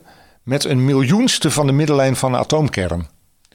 En dat is ongeveer het, uh, het formaat wat je probeert te meten. Mm. En dan kun je niet een meetlatje langs leggen, want die wordt ook uitgerekt. En inge, dus dat gaat ook niet. Dus, dus je moet allerlei trucjes uithalen om dat te doen. Een plankmeetlatje. En die uh, technologie die is gewoon pas sinds een aantal jaren op, de, uh, op het niveau dat het lukt. Dus het is echt. Het, die detectoren waarmee dat gelukt is, zijn ook de meest nauwkeurige meetinstrumenten die de mens ooit heeft gemaakt. Wij kunnen, dat is trouwens ook een mooi voorbeeld die variaties in, wat het gaat met spiegeltjes en lasers en zo. Hè? Je meet de afstand in feite tussen twee spiegels. Mm -hmm. En daar ga je, die, die variaties die zijn zo klein die je meet, dat als je dat in gedachten even uitvergroot en je kijkt wat het is op de afstand van hier naar de dichtstbijzijnde ster, mm -hmm. vier lichtjaar ver. Mm -hmm. Dus stel we hebben die detector opgeschaald tot dat formaat, dan meten wij een variatie zo dik als de dikte van een mensenhaar. Oh, wow. Op vier lichtjaar afstand. Maar wij doen het op 4 kilometer afstand. En je meet dus de minieme fractie van een atoomkern. Wow. Dus zo nauwkeurig gaat dat. Zijn maar dat, en dat, die meter die kan hier, zou hier op tafel kunnen staan om dat te kunnen meten? Nee, want hier heb je niet de omstandigheden waar het... Uh... Dat is wel in een laboratorium waar dat... Ja, het zijn hele grote detectoren, okay. enorme afstanden, allemaal high-tech. Dus uh, okay, het is dus niet een apparaatje echt, wat je even om je arm mee kan na gesimuleerd, als hm? het ware. Het wordt dan als het ware nagesimuleerd? Nee, je gaat gewoon kijken wat, wat er met de ruimtetijd gebeurt. Je gaat heel precies de afstand tussen twee punten in de gaten houden met laserlicht. En uh, je gaat kijken of er soms af en toe plotseling een kleine trilling daarin zit. Ja. ja. Er zijn mensen die hebben hier gewoon maandagochtend een vergadering over dat ze dit moeten doen. ja, ja, ja, dat is absoluut. waar, man. Maar, maar het, is, uh, heeft... ja, het is spectaculair onderzoek. Echt heel leuk. Ja, dat snap ik. Wat, wat zijn, uh, nu we dit weten en nu we dit kunnen waarnemen... Je zei net al iets, het geeft ons nu meer mm -hmm. informatie over andere fenomenen in het universum. Zijn er nog meer die, de, de toepassingen die we hier... Nou, denk niet, aan, denk niet aan toepassingen hier op aarde. Hmm. Met van zwaartekrachtgolven. Misschien wel van de technologie die we nu aan doen zijn. Die zal wel ergens anders ook wel eens gebruikt kunnen worden. Ja, ja. Maar zwaartekrachtgolven kunnen meten. Dat vertelt ons veel meer over het fenomeen zwaartekracht. Het gaat ons inzicht geven in uh, dingen als zwarte gaten en neutronensterren. We hebben nu bijvoorbeeld al in het, het, het, metingen zijn er nog maar net, maar er is al ontdekt waar het grootste deel van de uh, zware elementen in de kosmos vandaan komen, zoals edelmetalen, zoals goud en platina. We weten nu dat dat van botsende neutronensterren komt. Was tot voor kort was dat wel een theorie, maar dat was niet bevestigd. Hmm. We gaan meer te weten komen over de oerknal. Want we kunnen met zwaartekrachtgolven uiteindelijk, lukt nu nog niet hoor, maar uiteindelijk kunnen we daarmee uh, effecten bestuderen die een fractie van een seconde na de oerknal plaatsvonden. En dat kun je met een gewone telescoop nooit zien. Uh, en dan zegt iedereen altijd heel terecht van ja, uh, de grootste verrassingen komen van de dingen die we niet kunnen voorspellen. Ja, dat is waar. Dat is ook altijd zo. De onvoorziene bijwerkingen. hey, maar je had het net over de Big Bang, hè? En we hadden het net over dat ruimtetijd visualisatieconcept. Heb ik het nou goed begrepen dat, je het, um, dat de Big Bang eigenlijk ook niet meer was als het vergroten van de afstand tussen die stippen? Of kom, Ja. kwamen bij de Big Bang kwamen de puntjes bij? Nee, dat, dat, nee, wat jij als eerste zei, dat klopt. Je, je moet je de oerknal, of eh, laat ik het anders zeggen, je moet je de uitdijing van het heelal, moet je niet voorstellen als materie die door de lege ruimte bij elkaar aan het Ja, wegvliegen is. op, eh. Als een soort vuurwerk. Dat, dat, dat denken wij altijd in ons hoofd. Nee, het is dat rasterpatroon van de ruimtetijd zelf. Jouw stippeltjespatroon, dat is aan het uitdijen. En daar kan een ster in zitten of een atoomdeeltje. En die zitten er gewoon lekker op hun eigen plek in de ruimte. Die bewegen helemaal niet. Ja, ze bewegen ook wel, maar dat hoeven ze niet. En doordat de ruimte zelf uitdijt, worden die onderlinge afstanden toch groter. Dus de uitdijing van het heelal nemen de afstanden toe. Niet doordat die sterrenstelsels met hoge snelheid door de ruimte vliegen, maar omdat er steeds meer ruimte tussen komt. Dat, is, eigenlijk alles het, zo eh, leeg is. Voorheen was het allemaal veel meer cramped op elkaar. En... Nou ja, omdat, omdat de ruimte eh, vroeger veel compacter was, zaten alle deeltjes in die ruimte ook dichter bij elkaar. Ja. En als je dat in gedachten teruggaat, dan kom je in die oerknalsituatie terecht. En dan, ja, dan weet je, eh, dan eh, moet die dichtheid en die temperatuur enorm hoog geweest zijn. Mhm. En dat is de situatie van zo'n kleine 14 miljard jaar geleden. Ja. Eh, We hadden het net al een klein beetje over de discussie tussen wetenschap enerzijds en religie aan de andere kant. Ehm, ik weet niet hoe jij daar, nu je dit allemaal weet, naar kijkt. Want mij lijkt het altijd, het lijkt allemaal zo vreselijk georganiseerd. En, en mooi in elkaar te vallen. En het feit dat die regels er zijn en, Ja. dat, en dat dit daar een soort van uit voortvloeit als een soort programma-regels, lijkt het bijna wel. Doet je bijna afvragen, maar wie is de programmeur dan? Ja, ja, ja. Begrijp je dat gevoel wel eens als je Ja, dat begrijp nadenkt? ik wel. Sterker, eh, misschien bedoel je dat ook wel. Eh, er zijn een heleboel dingen in het heelal waarvan we niet weten waarom ze zo zijn, maar waarvan we wel weten dat het maar goed is dat ze zo zijn. We weten niet waarom een elektron 1836 keer zo licht is als een proton. We weten niet waarom de zwaartekracht veel en veel zwakker is als fundamentele natuurkracht dan de kernkrachten. Eh, maar het is wel zo, je kunt het meten. Al die eigenschappen van het heelal kunnen we in kaart brengen. We weten wel dat als je in gedachten een, je een heelal voorstelt waarin al die natuurconstanten een wat andere waarde hebben, ja, dan hebben we geen eh, sterrenstelsels, kan er geen kernfusie in sterren ontstaan, hebben we geen koolstofchemie. Je hoeft maar iets te veranderen, in Ja. gedachten, en het heelal zoals wij dat kennen is onmogelijk. Exact. Dat is een, een fascinerende eh, gegeven. En ik begrijp heel goed dat er dan mensen zijn die zeggen: Nou ja, als dat zo is, dan kan het niet anders. Of dan moet een bovennatuurlijke macht van tevoren alle knopjes in de goede stand hebben gezet en toen op de startknop hebben gedrukt. En ik denk, ja, ik snap wel dat je dat denkt, maar ik vind het lekker om te zeggen: we hebben geen idee. Want je hebt geen idee. Nee. En we, je, je moet erachter zien te komen of waar het aan ligt. En, eh, Ja, nou ja, het- ik denk dat het. eh, ik weet het niet of, dat, of, of ik eens ben met wat je zegt. Want voorheen eh, hebben ze mij wel eens een, model van het universum geleend, geleerd dat pulserend lijkt te zijn. Big Bang, het expandeert, Ja, massa ja, trekt ja. elkaar weer aan, het gaat weer terug. Makes sense to me. En als de variabelen per expanse anders zijn, dan krijg je een keer de juiste setting voor het leven. Ja. I get that. Maar zoals we nu naar het universum kijken, lijkt heat death gewoon het eind van het verhaal. Precies, het, eh, dat is waar. Dus die oplossing die is er dan niet meer. Maar de oplossing die jij geeft, van stel dat het heelal cyclisch is, hè, dan kun, kun- iedere keer kunnen de eigenschappen een beetje anders zijn. Een keer is er dan een heelal waarin leven kan ontstaan. En logischerwijs zitten wij in dat heelal, want anders hadden we het niet kunnen zien dat het niet klopte. Eh, en dat concept wordt nog steeds wel aangehangen door veel theoretici. Niet per se in de zin van een cyclisch heelal, maar misschien wel in een soort multiversum idee. Ja. Dat er meerdere heelallen parallel aan elkaar kunnen zijn. Of dat het een heelal een ander heelal kan voortbrengen. Of dat er toch een soort tijdsvolgorde is. Al blijft ons heelal uitdijen, dat er misschien toch ergens in ons heelal een begin gemaakt kan worden voor een nieuw heelal. Desnoods in een andere dimensie. Zwarte gaten, daar En komen we toch bij eventueel via zwarte gaten.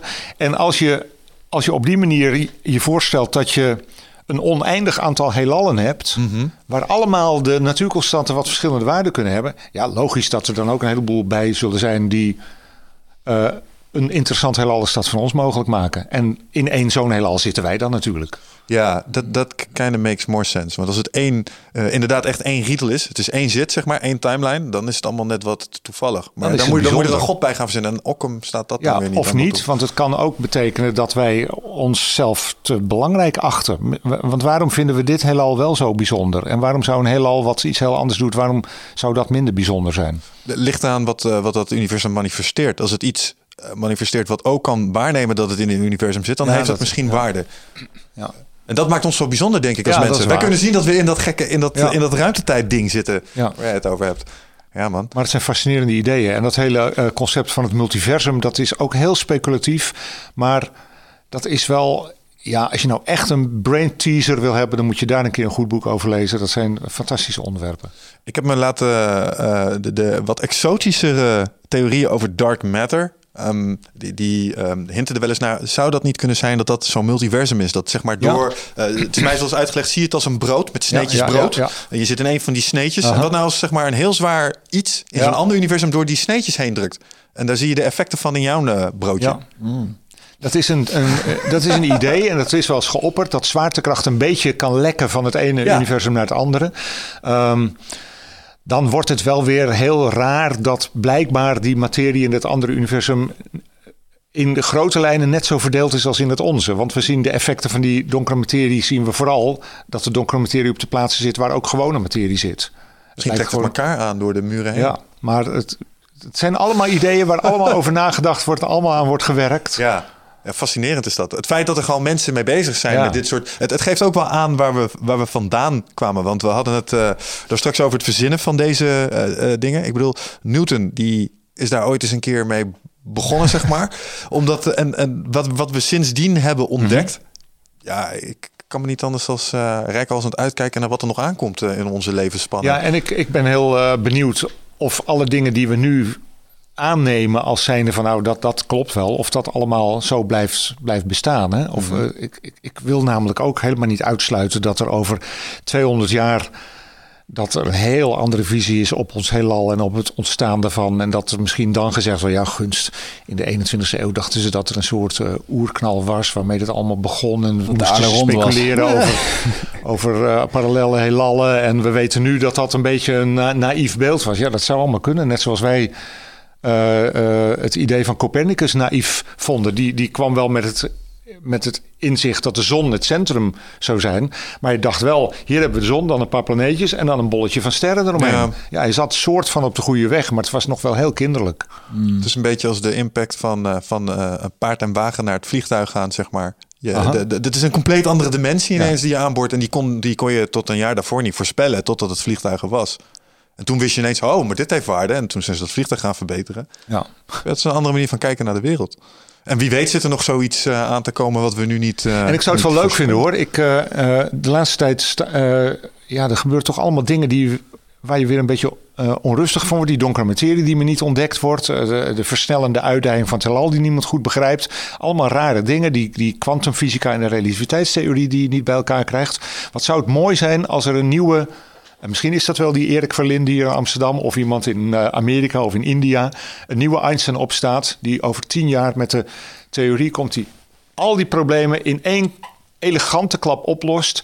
En dan hebben we een heel ander beeld. Want ja, dan heb ik wel weer een leuk boek om, uh, om ja. te schrijven. Ja, kan ik me voorstellen. Interesting. Nou, mag je tegen die tijd nog een keer komen om de laatste omzichten ja. met ons te delen en ons brein te breken? In conclusie kunnen trekken, we're all gonna die.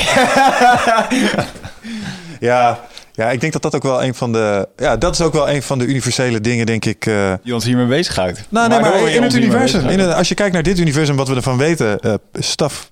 Weet je wel, het, het, bestaat en daarna gaat het over in een andere vorm. Dus uh, ook dit universum zal ooit stoppen te bestaan. En deze planeet uh, wordt ooit uh, door onze zon Ja, dat is allemaal waar. En... en wij als individu nog veel eerder.